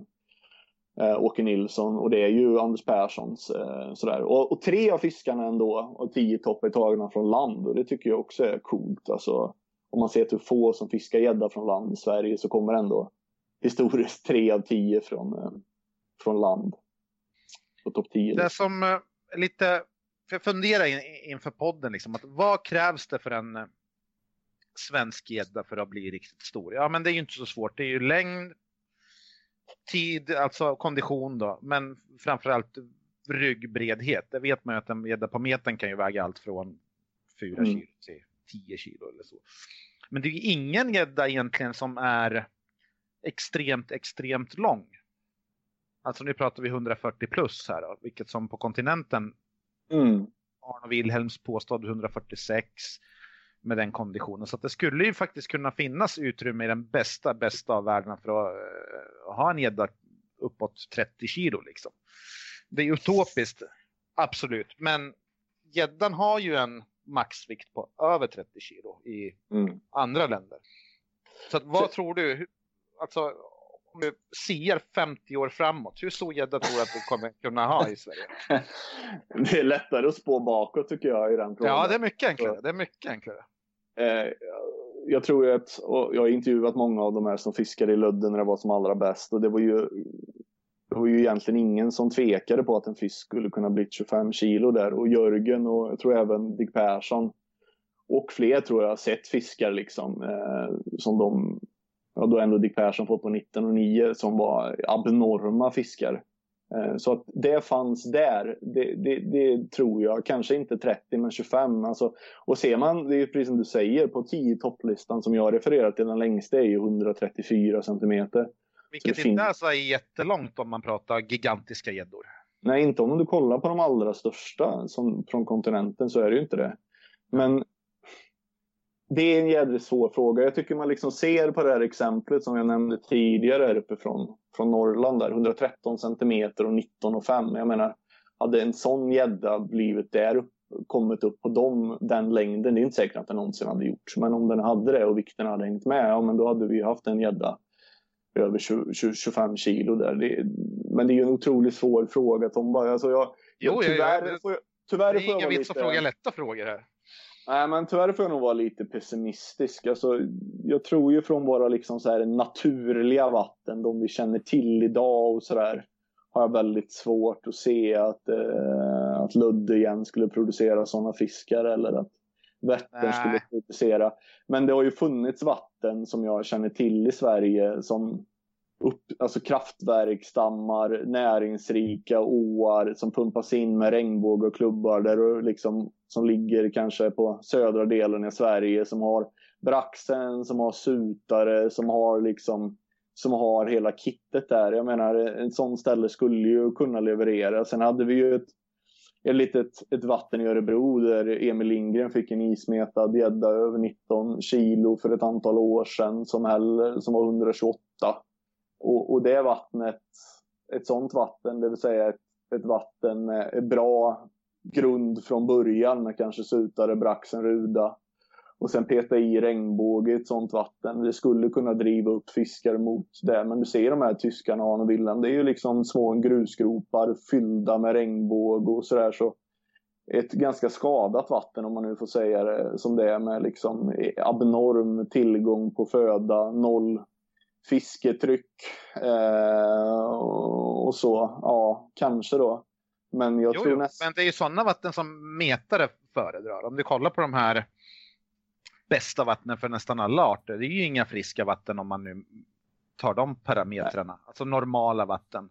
Och, Eh. och, se, och se Shoe Valley, det är ju liksom en stor reservoar med, eh, med egen uppfödning, enormt mycket regnbåge, enormt mycket och det finns ju även mycket course fish där också. Den, liksom, och den driver ju upp, de säger att det kan vara mellan 40-50, det kan vara fler till och med fiskar, gäddor över, över 40 nej över, över, över 30 pund. Men alltjämt så den här fisken på 23-24 har ju inte kommit och toppfiskarna där kanske inte pekar på att den kommer göra det heller. Så att det, jag tror det behövs ganska få gäddor dessutom liksom. Begränsad konkurrens och, och så. Jag, jag tror aldrig, jag tror aldrig vi kommer, jag tror inte jag kommer få se under min livstid en 25 kilo svensk gädda men man vet aldrig. Nej, alltså jag tänker mest på just sådana här forellpölar eller någonting sånt där. Eh, Att, att det skulle kunna komma någon extremfall. Jag liksom, den här siken, svenska rekordet, den togs väl under någon rödings odlingskasse eller vad det var. Alla sådana här vatten. Så att nog fan ska vi kunna peta upp en gädda som chockar alla någon gång. Och stora kassodlingssjöar i Sverige är ju otroligt hårt fiskade efter gädda och har varit under de sista 15 åren och har ju producerat enorma mängder tior, enorma mängder sjuor och åttor men att fiskarna kommer upp över 15 är nästan ovanligt och att de kommer upp mot 17-18 från de här sjöarna. Ja, nu har vi för Visselandesjön som ett gott, gott, eh, gott undantag men ja, jag tror som du var inne, alltså, tror på något, något, något litet. Ja, det stora ska ju vara i kassan, inte utanför. Okej, okay, det var så du menade. Ja, ja. Nej, men eh, den, den, den, som lever får se.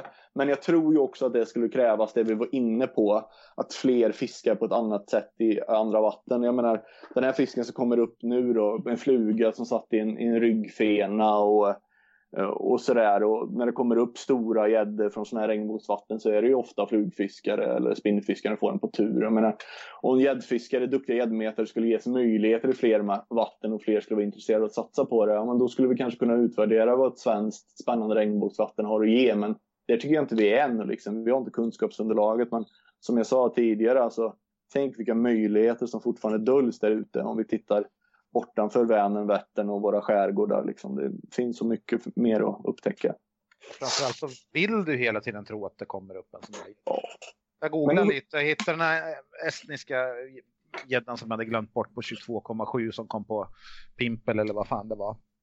Som är vägd i butik och dödad och allting och vikten verkar stämma. Så att det finns ju utrymme för chockerande vikter där man minst anar det. Men och Sverige har ju gädda ta mig fan överallt. Så jag, jag, jag, tror stenhårt på att förr eller senare kommer någon sån där grym 24-25 bara ploppa upp någonstans. Någon, någon... Vågar du ge en tidshorisont eller? Så kan vi ju faktiskt eh, följa upp det sen. Uh, ja, det är ju jävligt svårt, men säg inom 20 år i alla fall. Ja, någon, någon unge kommer ju tänka att den där lilla pölen där bakom ladugården, jag, ska, jag gör några kast med min reflexspinnare och pang, där sitter den. Oj, vad jag hoppas att du har rätt. Inom 20 år över 24 kilo. Det hade varit otroligt roligt. Det, jag blir ju allt, jag blir så otroligt... Alltså, jag såg ju många upprördes över den här 19,5 kilos gäddan. Den slogs ihjäl och det var ena med det fjärde. Och visst, det är klart att jag hade önskat att den levde vidare och med mera, med mera. Men jag blir så fascinerad. Alltså, vilka möjligheter det finns där ute. Jag tycker man ska se på en sån gädda på det sättet. Eh, alltså handsken är kastad på något sätt.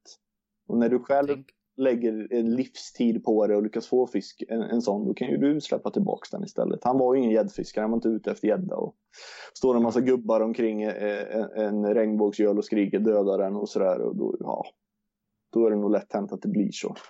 men jag menar, tänk, tänk potentialen om man ser till alla dessa små pölar som finns överallt. Mm. Och många av dem har, eller är, eh, regnbågsvatten. Mm. Någonstans så lär det ju finnas en sån riktig felproportionerad jätte. Jag, tror, jag, ser, jag tyckte den här, eh, var det i sista fiskefeber, men den här artikeln som eh, Mikael Gräns skrev om just den här eh, är det syndikatvatten de har med karp och de har gädda och de har liksom ett jätteintressant fiske efter båda arterna. Och de fiskar liksom bara gädda när det är läge liksom. Jag menar kanske november, december. Och de förmäskar det, de mycket. fick rätt mycket där ja. Ja, och de liksom de förmäskar mycket och fiskar bara på deadbait, små krokar, bra krokplacering varje gång. Och man kan se liksom att de här gäddorna, de tappar inte så mycket vikt och många av dem fortsätter att växa. Hade du liksom tagit dem där på, på spinn med, med stora liksom 8 nollor och eh, slitit sönder dem i, i truten.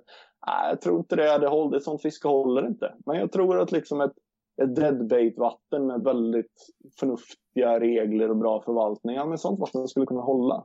Jag vet inte hur länge, men ja, i det här fallet, det, det är väl utanför Ängelholm där någonstans. Det tycks det hålla ganska länge.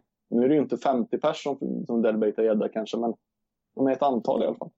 Ja, och de hade väl gjort så under en rätt så lång tid ändå, hade de inte det? Ja, absolut. Och märkt fiskar och sånt, det kanske jag som, ja, det kanske de inte hade tillstånd till att göra, men det är ju rätt intressant att följa upp. Alltså det är ju jätteintressant för att det är ju faktiskt så, det vill vi ju inte tänka på så mycket, men stora gäddor och catch and release, det påverkar gäddor. Ehm, mycket har ju att göra med krokplacering och hantering, men det är väldigt få gäddor som fångas första gången över 15 kilo som sedan fortsätter att växa. Det är någonting i instinkten som trubbas av. Eh, någonting som gör att det blir svårt att fullfölja den kurvan de hade och nå den yttersta pot- potentialen. Om den nu hade en, vilket de kanske hade då, över 16 eller 17. Så det är Kör, inte... kör inte inte Sibbo karpar. någonting? Så det?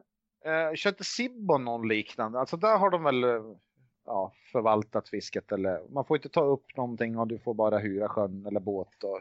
Mm. Nej, det, det, ja, visst. Alltså tajtare förvaltning. Vi är i Sverige kanske lite bortskämda med det här, liksom att det ska vara hur många fiskor som helst och man ska få fiska året runt med vilka eh, redskap man vill och inga, inga liksom stopp och sådär. Om vi, om vi pratar gädda nu då, generellt då. Eh, men se som, ja, men som Ursjön, hur, hur John förvaltar det. Liksom, liksom en, med, bra, med, med en förvaltning där det kanske kostar lite pengar men man, och man får inte fiska jämt. Så kan man skapa ett intressant och hållbart fiske över tid. Sen kan man ju tycka att det kan vara, finnas, finnas liksom lite tråkiga sidor med det. Alla kan inte fiska där och hur mycket de vill och sådär. Men, Nej, men du betalar ju, så. du betalar ju gärna när det blir lite exklusivt också. Ja. menar, det, är ingen, det är ingen konstigt om, om vi pratar Ruda eller någonting sånt där. Då kan ju många säga att ja, vad fan, det är så jävla tråkigt för det. Men om, om du tar exklusiva put and take vatten för flugfiske efter öring eller någonting. Där är det ju fullt logiskt att man betalar dyra medlemskap. Det är som att vara med i någon jävla golfklubb eller någonting. Ja. Nej, det är Och, och ingen säger ett ord. Så varför skulle det inte funka för gädda? Det, det är klart det funkar. Absolut. Känns som vi har en kon konstig syn på det där med vad vi är beredda att betala ibland. Alltså Mm. de, de här flugfiskevattnen som du var inne på Tomba, där är det okej att betala, det är inga konstigheter. Men börjar man snacka att du ska betala 200 spänn för eh, ett dagskort i ett bra vatten så hade folk börjat höja på ögonbrynen per omgående för då blir det jättedyrt. Ja, för grejerna får ju kosta hur mycket som helst, men fisk ska Ja. vara gratis. Det Ja, vore precis. bättre ifall grejerna var billiga och fisket kostade en slant. För då, då skulle man ju kunna liksom vända på kakan på ett bättre sätt tycker jag. Mm. Och det är ju lika så, jag menar eh, i andra änden. Alltså, vi kan ju få, sportfiskarna förvaltar ju bland annat i Stockholm och så här. Det finns ju vatten där vi har regnbåge i och, och sådär. Och på andra ställen då kan du höra av sig gäddfiskare och fråga, får jag fiska gädda här? Ja, det är klart du får. Alltså, det är ju, spinnfiske är tillåtet. Så här, ja, men då behöver jag inte betala va? "Ja, Men varför skulle du inte betala? Ja, men det är ju gädda. Jag slår ihjäl alla. Ja, men du, det är vi faktiskt inte riktigt intresserade av. Alltså det, det finns den mentaliteten och det är ju det vi pratar om egentligen. Men även gäddfiskare Mm. måste vara, precis, vara beredda på betala mer och många vill, kan ju tänka sig att göra det. Eh, kanske bara fiska färre pass per år men betala mer men ha ett in, mer intressant fiske att se fram emot. Så Ja, Båten får ju kosta hur mycket som helst. absolut. Det, Nej, men ser så, man ju. så, så det... mm, Nej, men jag... jag, jag och sen finns det ju vissa som tycker att det vore... Det finns ju sådana här som hävdar att ja, men fiska gädda i regnbågsvatten, det är fusk. Eller fiska i sådana här. Men det, de har liksom inte förstått det. De har inte provat på. Det är, det är nog så utmanande och många av de svåraste fiskarna jag har gjort i mitt liv har varit i vatten med, som är överfulla med, med isat fisk. För gäddan har väldigt få incitament att ta just ditt bete. Det finns ett överflöd och och många säger också att ah, ett nytt svenskt rekord från regnbågsvatten, ja det hade varit tråkigt. Och visst, ja, jag har aldrig haft några liksom, synpunkter på det. Jag tycker en stor gädda en stor gädda var den än kommer ifrån. Och, och ett intressant gäddfiske ett intressant gäddfiske. Så jag välkomnar eh, mer nya grepp eh, inom svenskt gäddfiske och, och vilka vatten och metoder man fiskar i framöver. Det kommer nog. Jag Jag är helt, jag är helt hundra på att eh, det här med jerkbaits och jiggar och sånt där. Alltså det, det är som allt annat vi har haft i fiske. Vertikalfiske, specimenfiske, jag vet inte fan vad det har varit för fiske. Det är jävligt hett under en tidsperiod. Men sen eh, tröttnar folk och vill hitta lite andra vägar. Då. Gillar man fiska gädda då kan man inte ta så många olika grepp. Det blir ju mete. Ismete. Alltså ismete har ju verkligen exploderat och hur långt är steget från ismete till meter från land? Det Nej men det är ju precis den grejen som jag brukar trycka på. Det finns en motsägelsefullhet i det där. Att på vintern kan man sitta och trycka och vänta på ett fäll i flera timmar. Men sen när det blir när det är öppet vatten, då, då vill man kasta och spinna och det ska hända mycket hela tiden. Jag, och det är typ alltjämt på det där att jag tror det handlar om att man aldrig har fått chansen att prova på. Det skrivs inget, det filmas inget i Sverige. Så man, man har liksom aldrig fått prova på och höra liksom en pipande receiver eller ett larm och, en, och liksom ta en stor gädda från land. Många har liksom inte i, i sin sinnevärld att man ens kan göra det. Eh, så precis så. Ismete är jättepoppis. Varför skulle då inte meter från land kunna vara det? Ja, säg det. Och jag tror ju en Mm. grej spelar roll och det är ju att vi har, ja det är många grejer som spelar roll, men just det här att komma ut med sitt bete långt. Eller komma nå distanser. På en is kan du gå ut hur långt du vill.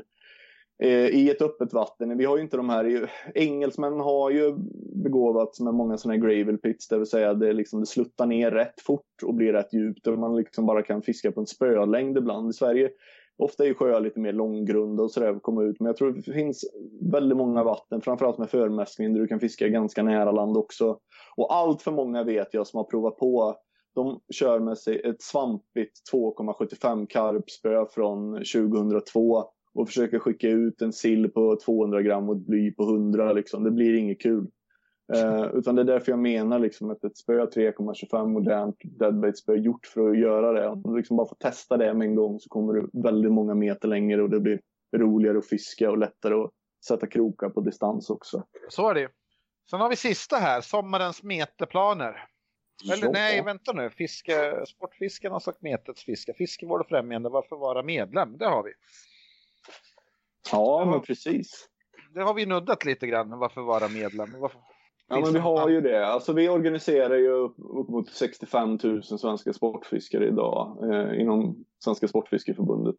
Svenska Sportfiske och Fiskevårdsförbundet, Sportfiskarna. Men det brukar ju vara enligt de här undersökningarna HAV, HAV gör så är det väl är det ändå inte 400 000 människor som säger att sportfiske är deras största intresse. Alltså vi, vi behöver ju organisera fler. Och hade vi organiserat 400 000 sportfiskare i Sverige så hade vårt röst varit väldigt mycket starkare i, i maktens korridorer. Det är ju inget snack om det.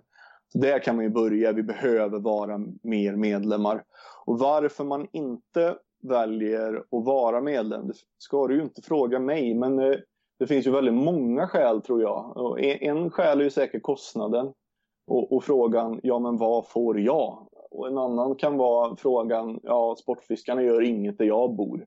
En annan kan vara något annat missnöje. Jag är missnöjd med svensk tävlingsfiske organiserat. Det kan vara att man är missnöjd med något som Sportfiskarna gjorde på 90-talet eller det kan vara att man har olika förutfattade meningar eller ja, sådär. Men jag vill nog ändå, när man pratar med personer och går liksom i dialog med personer som väljer att aktivt stå utanför av ändra skälet så om man liksom sammanför, nej visst, du är missnöjd med hur den här tävlingsgrenen sköts. Men är du intresserad av allt annat vi gör? Att ibland, alltså jag tror att Sportfiskarna vi har tagit på oss ett väldigt, väldigt brett ansvar. Att vara den stora intresseorganisationen mot de som fattar beslut kring fiskepolitik och annan, andra beslutsfattare i Sverige som berör fisket. Vi har tagit på oss att organisera svensk tävlingsfiske, hålla mormyrska-fiskare, trollare, gäddfiskare, pimplare, traddmetare, internationella metare nöjda känna sig hemma. Vi liksom eh, förvaltar olika vatten. Vi håller på med en väldigt, väldigt bred fiskevård som ska, ska gynna så många arter som möjligt. Alltså, det är väldigt svårt att varje enskild svensk person som sportfiskar känner att åh vad jag är nöjd med precis allting sportfiskarna gör på varje enskild punkt. Men någonstans tycker jag, som såklart är partisk, att det handlar om att göra ett val för att stödja den organisationen som faktiskt jobbar för fisken, som faktiskt jobbar för sportfiskare och sportfiskare varje dag. Det är ingen annan som gör det. Och även om man nu är missnöjd med en sak så kanske man kan se det otroligt positiva i att vi har anlagt 30 våtmarker för gädda. Eh, vi har nästan lika många på gång. Vi tar bort vandringshinder i rinnande vatten runt om i Sverige och vi vi når närmare medlemmarna i region efter region. Vi har gått från att ha 15 medarbetare till nästan 50 medarbetare och fiskevårdsinsatserna på kartan blir fler och fler och fler och fler och fler och fler och fler. Eh, och att liksom bara kunna vara med och bidra till det och för varje medlem vi får ju väldigt mycket mer starkare får vi sätta emot beslutsfattandet som är helt uppåt väggarna i, i Sverige. Eh, det är ju faktiskt så vi har liksom utrotat vår torsk och nu står ju nästan strömmingen på tur. Jag har kanske alla följt med i att de yrkesfiskarna, eller ska vi säga maskinfiskarna, har gått från att ta 60 ton till 1600 ton strömming på Ålands hav. Och de följer bara kvoterna som beslutsfattare har satt och vi har en jordbruksminister som i tv säger ja, ser vi framöver att eh, det påverkar beståndet då kan vi omprova. ompröva. Liksom att man är inte beredd att ändra sin politik förrän katastrofen är ett fullständigt faktum ett sånt kortsiktigt sätt att se på det. Och, alltså vi, vi behöver fler medlemmar för att bli starkare. Så är det helt enkelt. Vad gör ni för barn då? Ja, jag tänkte komma till det. Alltså, om man inte vill vara medlem sett för det vi gör i intressepolitik eller fiskevård eller tävling eller för tidningen så, så har vi ju blivit enormt mycket starkare på vad vi från förbundet gör för barn och ungdomar. Eh, de senaste två åren har vi gett fler än 35 000 barn varje år chansen på att prova på fiske och fiskevård. Och det är extra intressant även kopplat till Mete, vårt projekt Klassdraget får i år 15 000 barn prova på att meta med toppknutet eh, eller pimpel, pimpla på vintern då på skoltid. Och det är också det jag pratade om tidigare. Alltså, att bara få chansen att prova på, det är så himla viktigt. Uh, och vi vet ju att en hel del, då får man även behålla sina spön man får. Så vi vet ju många barn fortsätter sen att fiska på fritiden. Det enda vi saknar är lite att vi skulle vilja att det liksom fanns sportfiskeklubbar på alla orter. Där barn och ungdomar är välkomna på liksom veckoverksamhet. Så jag kastar också ut en handske. Jag vill att fler där ute engagerar sig och går in i fiskeklubbar och bildar egna just för att lära andra att fiska. Alltså det, det behöver vi mer av. Uh, så. Och också ett annat projekt med skolbäcken var på skoltider 6000 barn i år får vara med och göra biotopvård, alltså lägga lekbottnar och ta bort vandringshinder och eh, tillföra död ved och plantera trä kring vatten. Alltså det, man kan fråga sig de här grejerna om man inte är medlem. Alltså vem annars gör de här sakerna? Men det är vi som gör det. Vill man, vill man vara med och stötta det då, ja, då ska man vara medlem. Absolut. Ja, det är riktigt bra. Ja, just nu är vi i färd att arrangera sommarlovsfiske. Jag tror det är 30 kommuner eller någonting som gör fiskeskolor för, för skollediga barn och ungdomar och chansen att prova på fiske. Eh, så också den här, så få prova på. Alla barn och ungdomar liksom är inte hemma i, i tävlingsidrott och bollsporter utan fiske passar ofta barn och ungdomar som liksom, ja, men inte finner sig till rätta någon annanstans. Så det är ju även en nästan viktig samhällelig och social insats om man ser till den biten. Och allt detta får du för autogiro, vad var det, 32 spänn i månaden eller någonting sånt där? Ja men det är ju det, alltså, jag, jag förstår för många att alltså, summan om man betalar ett eh, löser medlemskap 390 kronor, visst det kan vara en betydande summa. Men nu har vi också möjligheten att man kan bli medlem via autogiro och tänka det att man stödjer med 39 kronor i månaden för det organiserade sportfisket för att det finns en röst som faktiskt jobbar för fisken och sportfiskare varje dag. Ja, jag tror att fler kan tycka, känna att det verkligen är värt det eh, när man ser vad, vad, peng, vad det blir för kronor i månaden. Ja, sen, speciellt om du köper beten för 700 spänn styck så då har du fan råd att betala det här. Ja, men och så får du också, jag menar, vill du, vad får jag? Eh, ja, du får eh, en bra olycksfallsförsäkring när du fiskar, när du är på väg till och från fiske. Du har möjlighet att teckna en bra båtförsäkring hos Swedea, Du får Sveriges största fisketidning, fem nummer med brevlådan och sådär. Så att, det finns ju konkreta medlemsförmåner som du själv liksom kan känna av och märka av. Du får bra nyhetsbrev, rabatter i fiskebutiker. Har du barn så kan de ha möjlighet att ta gratis fiskemärken och, och, och sådär. Så att det, det, finns ju även alltså, konkreta medlemsförmåner. Det kan vi säkert ta fram ännu fler. Men det är ju inte ett rakt utbyte. Jag betalar 390 så ska jag få grejer till ett värde av 390 tillbaka. Ja, det beror ju på hur mycket du värderar de här grejerna då. Men det är ju inte en, en ömsesidig transaktion på det sättet. utan ju att stödja liksom eh, ett intressepolitiskt arbete och ett praktiskt fiskevårdsarbete där ute. Och tycker för alla metare eh, så tycker jag det är, det är lätt en missuppfattning när vi tar bort vandringshinder och ju fria vattenvägar, att vi bara skulle göra det för laxartade fiskar. Ja, alla fiskare är vandrande fiskare och tar bort nedre vandringshinder i, ja, i Östersjön. Ja, nedanför kanske bara har en art och, och övan, ovanför första vandringshindret har du en art och nedanför har du nio. Så jag menar, det, det ger ju möjlighet för id och det ger möjlighet för Färna, Vimma. Alla, alla intressanta metfiskare och karpfiskare kan, kan leva i de här rinnande vattnen som det var menat från början. Så att det, det tycker jag att det finns många goda skäl faktiskt. Nu tar vi sommarens meterplaner då. ja, alltså jag är ju... Om vi börjar med mig då, säger jag. Så jag är begåvad med att ha svärföräldrar som har ett sommarhus och där är jag hela somrarna och de har strandtomt. Och i år så, ja det blir spön på larm och receiver runt halsen och gå och leka med barn i trädgården. Och sen kommer jag springa på runs helt enkelt. Jag lyckades lite med det förra året men i år har jag lite större plan på att lyckas. Det är en helt anspråkslös sjö, sjö i Roslagen utan en enda registrerad storfisk. Och jag har sett att det finns en teoretisk möjlighet och regga sarv och ruda. Eh, så det är nog någon slags långsikt. Det är ett riktigt sommarmål. Det är för mig. Jag längtar efter det. Ja, men det vore coolt. Det är härligt ju. Ja, men det är faktiskt mysigt. Ja, alltså, hoppas att det funkar. ja, det blir lite jobbig kompromiss där att fiska efter både sarv och ruda samtidigt. Det är väldigt olika beteenden såklart. Men jag hittar någon slags mellanväg där. Får se vad, vad jag kommer fram till. Ja, vi skulle behöva ha lite heta Rudavatten känner jag. Så där, där tror jag att potentialen är jävligt stor att kunna hitta vatten som levererar fisk över två kilo. Men eh, liksom intresset att hitta de där vattnen verkar inte vara sådär jättestora.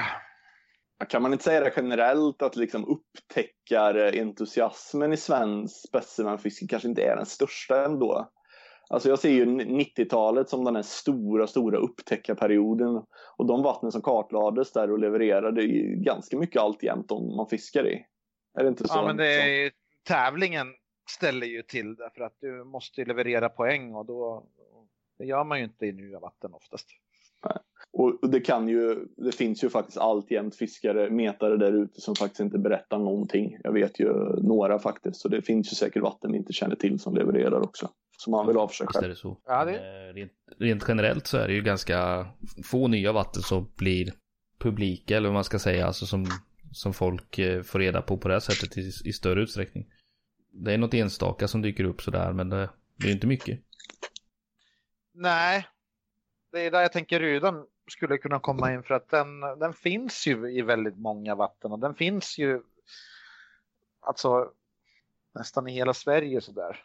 Så att eh, det behöver inte vara någon megavatten utan det räcker ju med rätt så anspråkslösa små gölar och skitar man kan fortfarande ha chans på stor fisk.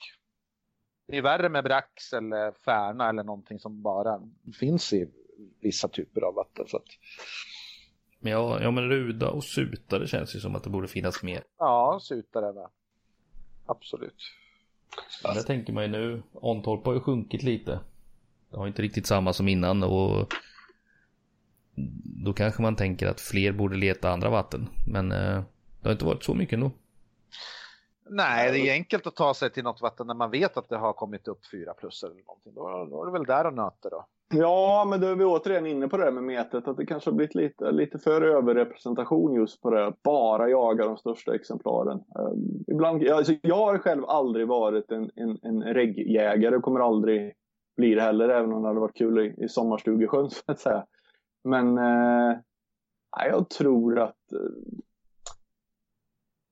Alltså följa John- följa John-mentaliteten. Jag tror även vad gäller, alltså vi får alltid själva mycket vattensportfiskarna. Alltså ser ju via provfisken och sådär vad mycket spännande det finns. Jag tror det är supermycket som sagt att upptäcka äh, även när det gäller olika cyprinider i, i stilla vatten. Sen har du ju som eh, specimen-svenskan, det är väl lite grann som fisketävlingarnas Formel 1. Det är ju de kändaste fiskeprofilerna, de största fiskarna och den svåraste tävlingen. Men det är även nästan den enda tävlingen som folk i, någon utsträckning är med på. Men eh, tar du specimenkuppen där du bara får välja eller ha anmäla två fiskar på vatten, alla lag tillsammans. Så att när två braxnar är tagit från Rögle, då är ju då kan du inte anmäla fler, bara större. Liksom. Så att det är bara två fiskar från varje vatten som kommer med. Och då, Mm. då kan du ju liksom... eh, Du har ju alltid chansen att ja, visst åker du till Rögle och får en brax på 7,2. Men då kan ju någon slå ut din brax. Så att då är det kanske säkrare att få en femma eller en fyra eller en trea från något eh, obskurt vatten och få in lite säkra poäng. Och där ser man att folk anmäler väldigt, väldigt brett från olika delar av landet. Och det, jag tycker den formen av tävling är extremt rolig för att den är lite spännande att följa på ett sätt att du vet ju att ja, det är inte samma fiskar som år efter år, alltså samma individer som fyller listorna utan det är väldigt ja, nu är jag vatten, nu är jag fångst men det händer någonting hela tiden. Mm. Så att Det Det- låter kul. Och jag, jag tycker även sådana här arttävlingar liksom som avgörs på en dag. Det är väl den här Gäddkungen den heter. De kör upp i Värmland där, där man på en dag på en sjö försöker fånga så många arter som möjligt. Och man får använda båt. Den Mm. typen av tävlingar, och det ser jag även det som vi arrangerar med Fiskekanalerna, artjakten. Barn som fångar olika arter under en sommar. Det spelar inte roll hur mycket de väger egentligen. Jag tror artfiske Ja, det, är, också lite på gång och sådär. De här som tävlar om flest arter. Eh, min kollega Hasse Lindqvist till exempel. Det är också ett kul fiske som jag tror har lite framtiden för sig. Och det har ju tyvärr tragiskt lite att göra med kanske också att vi har utrotat alla stora exemplar i stort sett av våra, många av våra havsvattensarter. men, eh, nej, men kul att höra om den där. Jag känner faktiskt inte till reglerna för kuppen där. Eh, och nej, så arttävlingar hoppas jag mer på framöver. Kanske kan bli en officiell tävlingsgren också. och artfisket i Finland är större än metet. Jaha. Fick jag veta här. Så att, eh, jag har sett lite på några Youtube-filmer där de har om just så här arttävlingen 24 timmars. Och så skulle bara det lag som vin, får fånga flest arter vinner helt enkelt. Jag tror de är, brukar vinna på 27-30 arter eller någonting sånt där till Helsingfors-trakten. Så det är lite havsfiske och lite sötvattensfiske. Men det är extremt imponerande att bara säga att du ska dra upp 20 arter på 24 timmar. Mm. Det är inte helt lätt. Och så, de går ju med ficklampa, pimpelspö med någon nylonlina 0,0 någonting och vänder på stenar och sen ska de få en sjutaggig simpa, niotaggig simpa, sen någon liten mal och ja du vet. Det är, det är skitroligt Mm. att, att följa det där så att absolut, det kan nog, det kan nog slå här också. Ja, spännande. Nej men då får vi väl ta- tacka Oskar för Då säger vi så. lugnt. Kanon. Ja, ha det bra. Ha det gött. Hej med. Hej.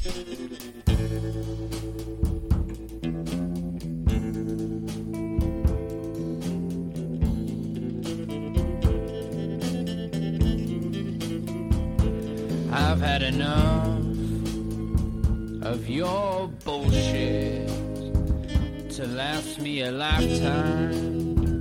So get out of here. I don't want to see you around.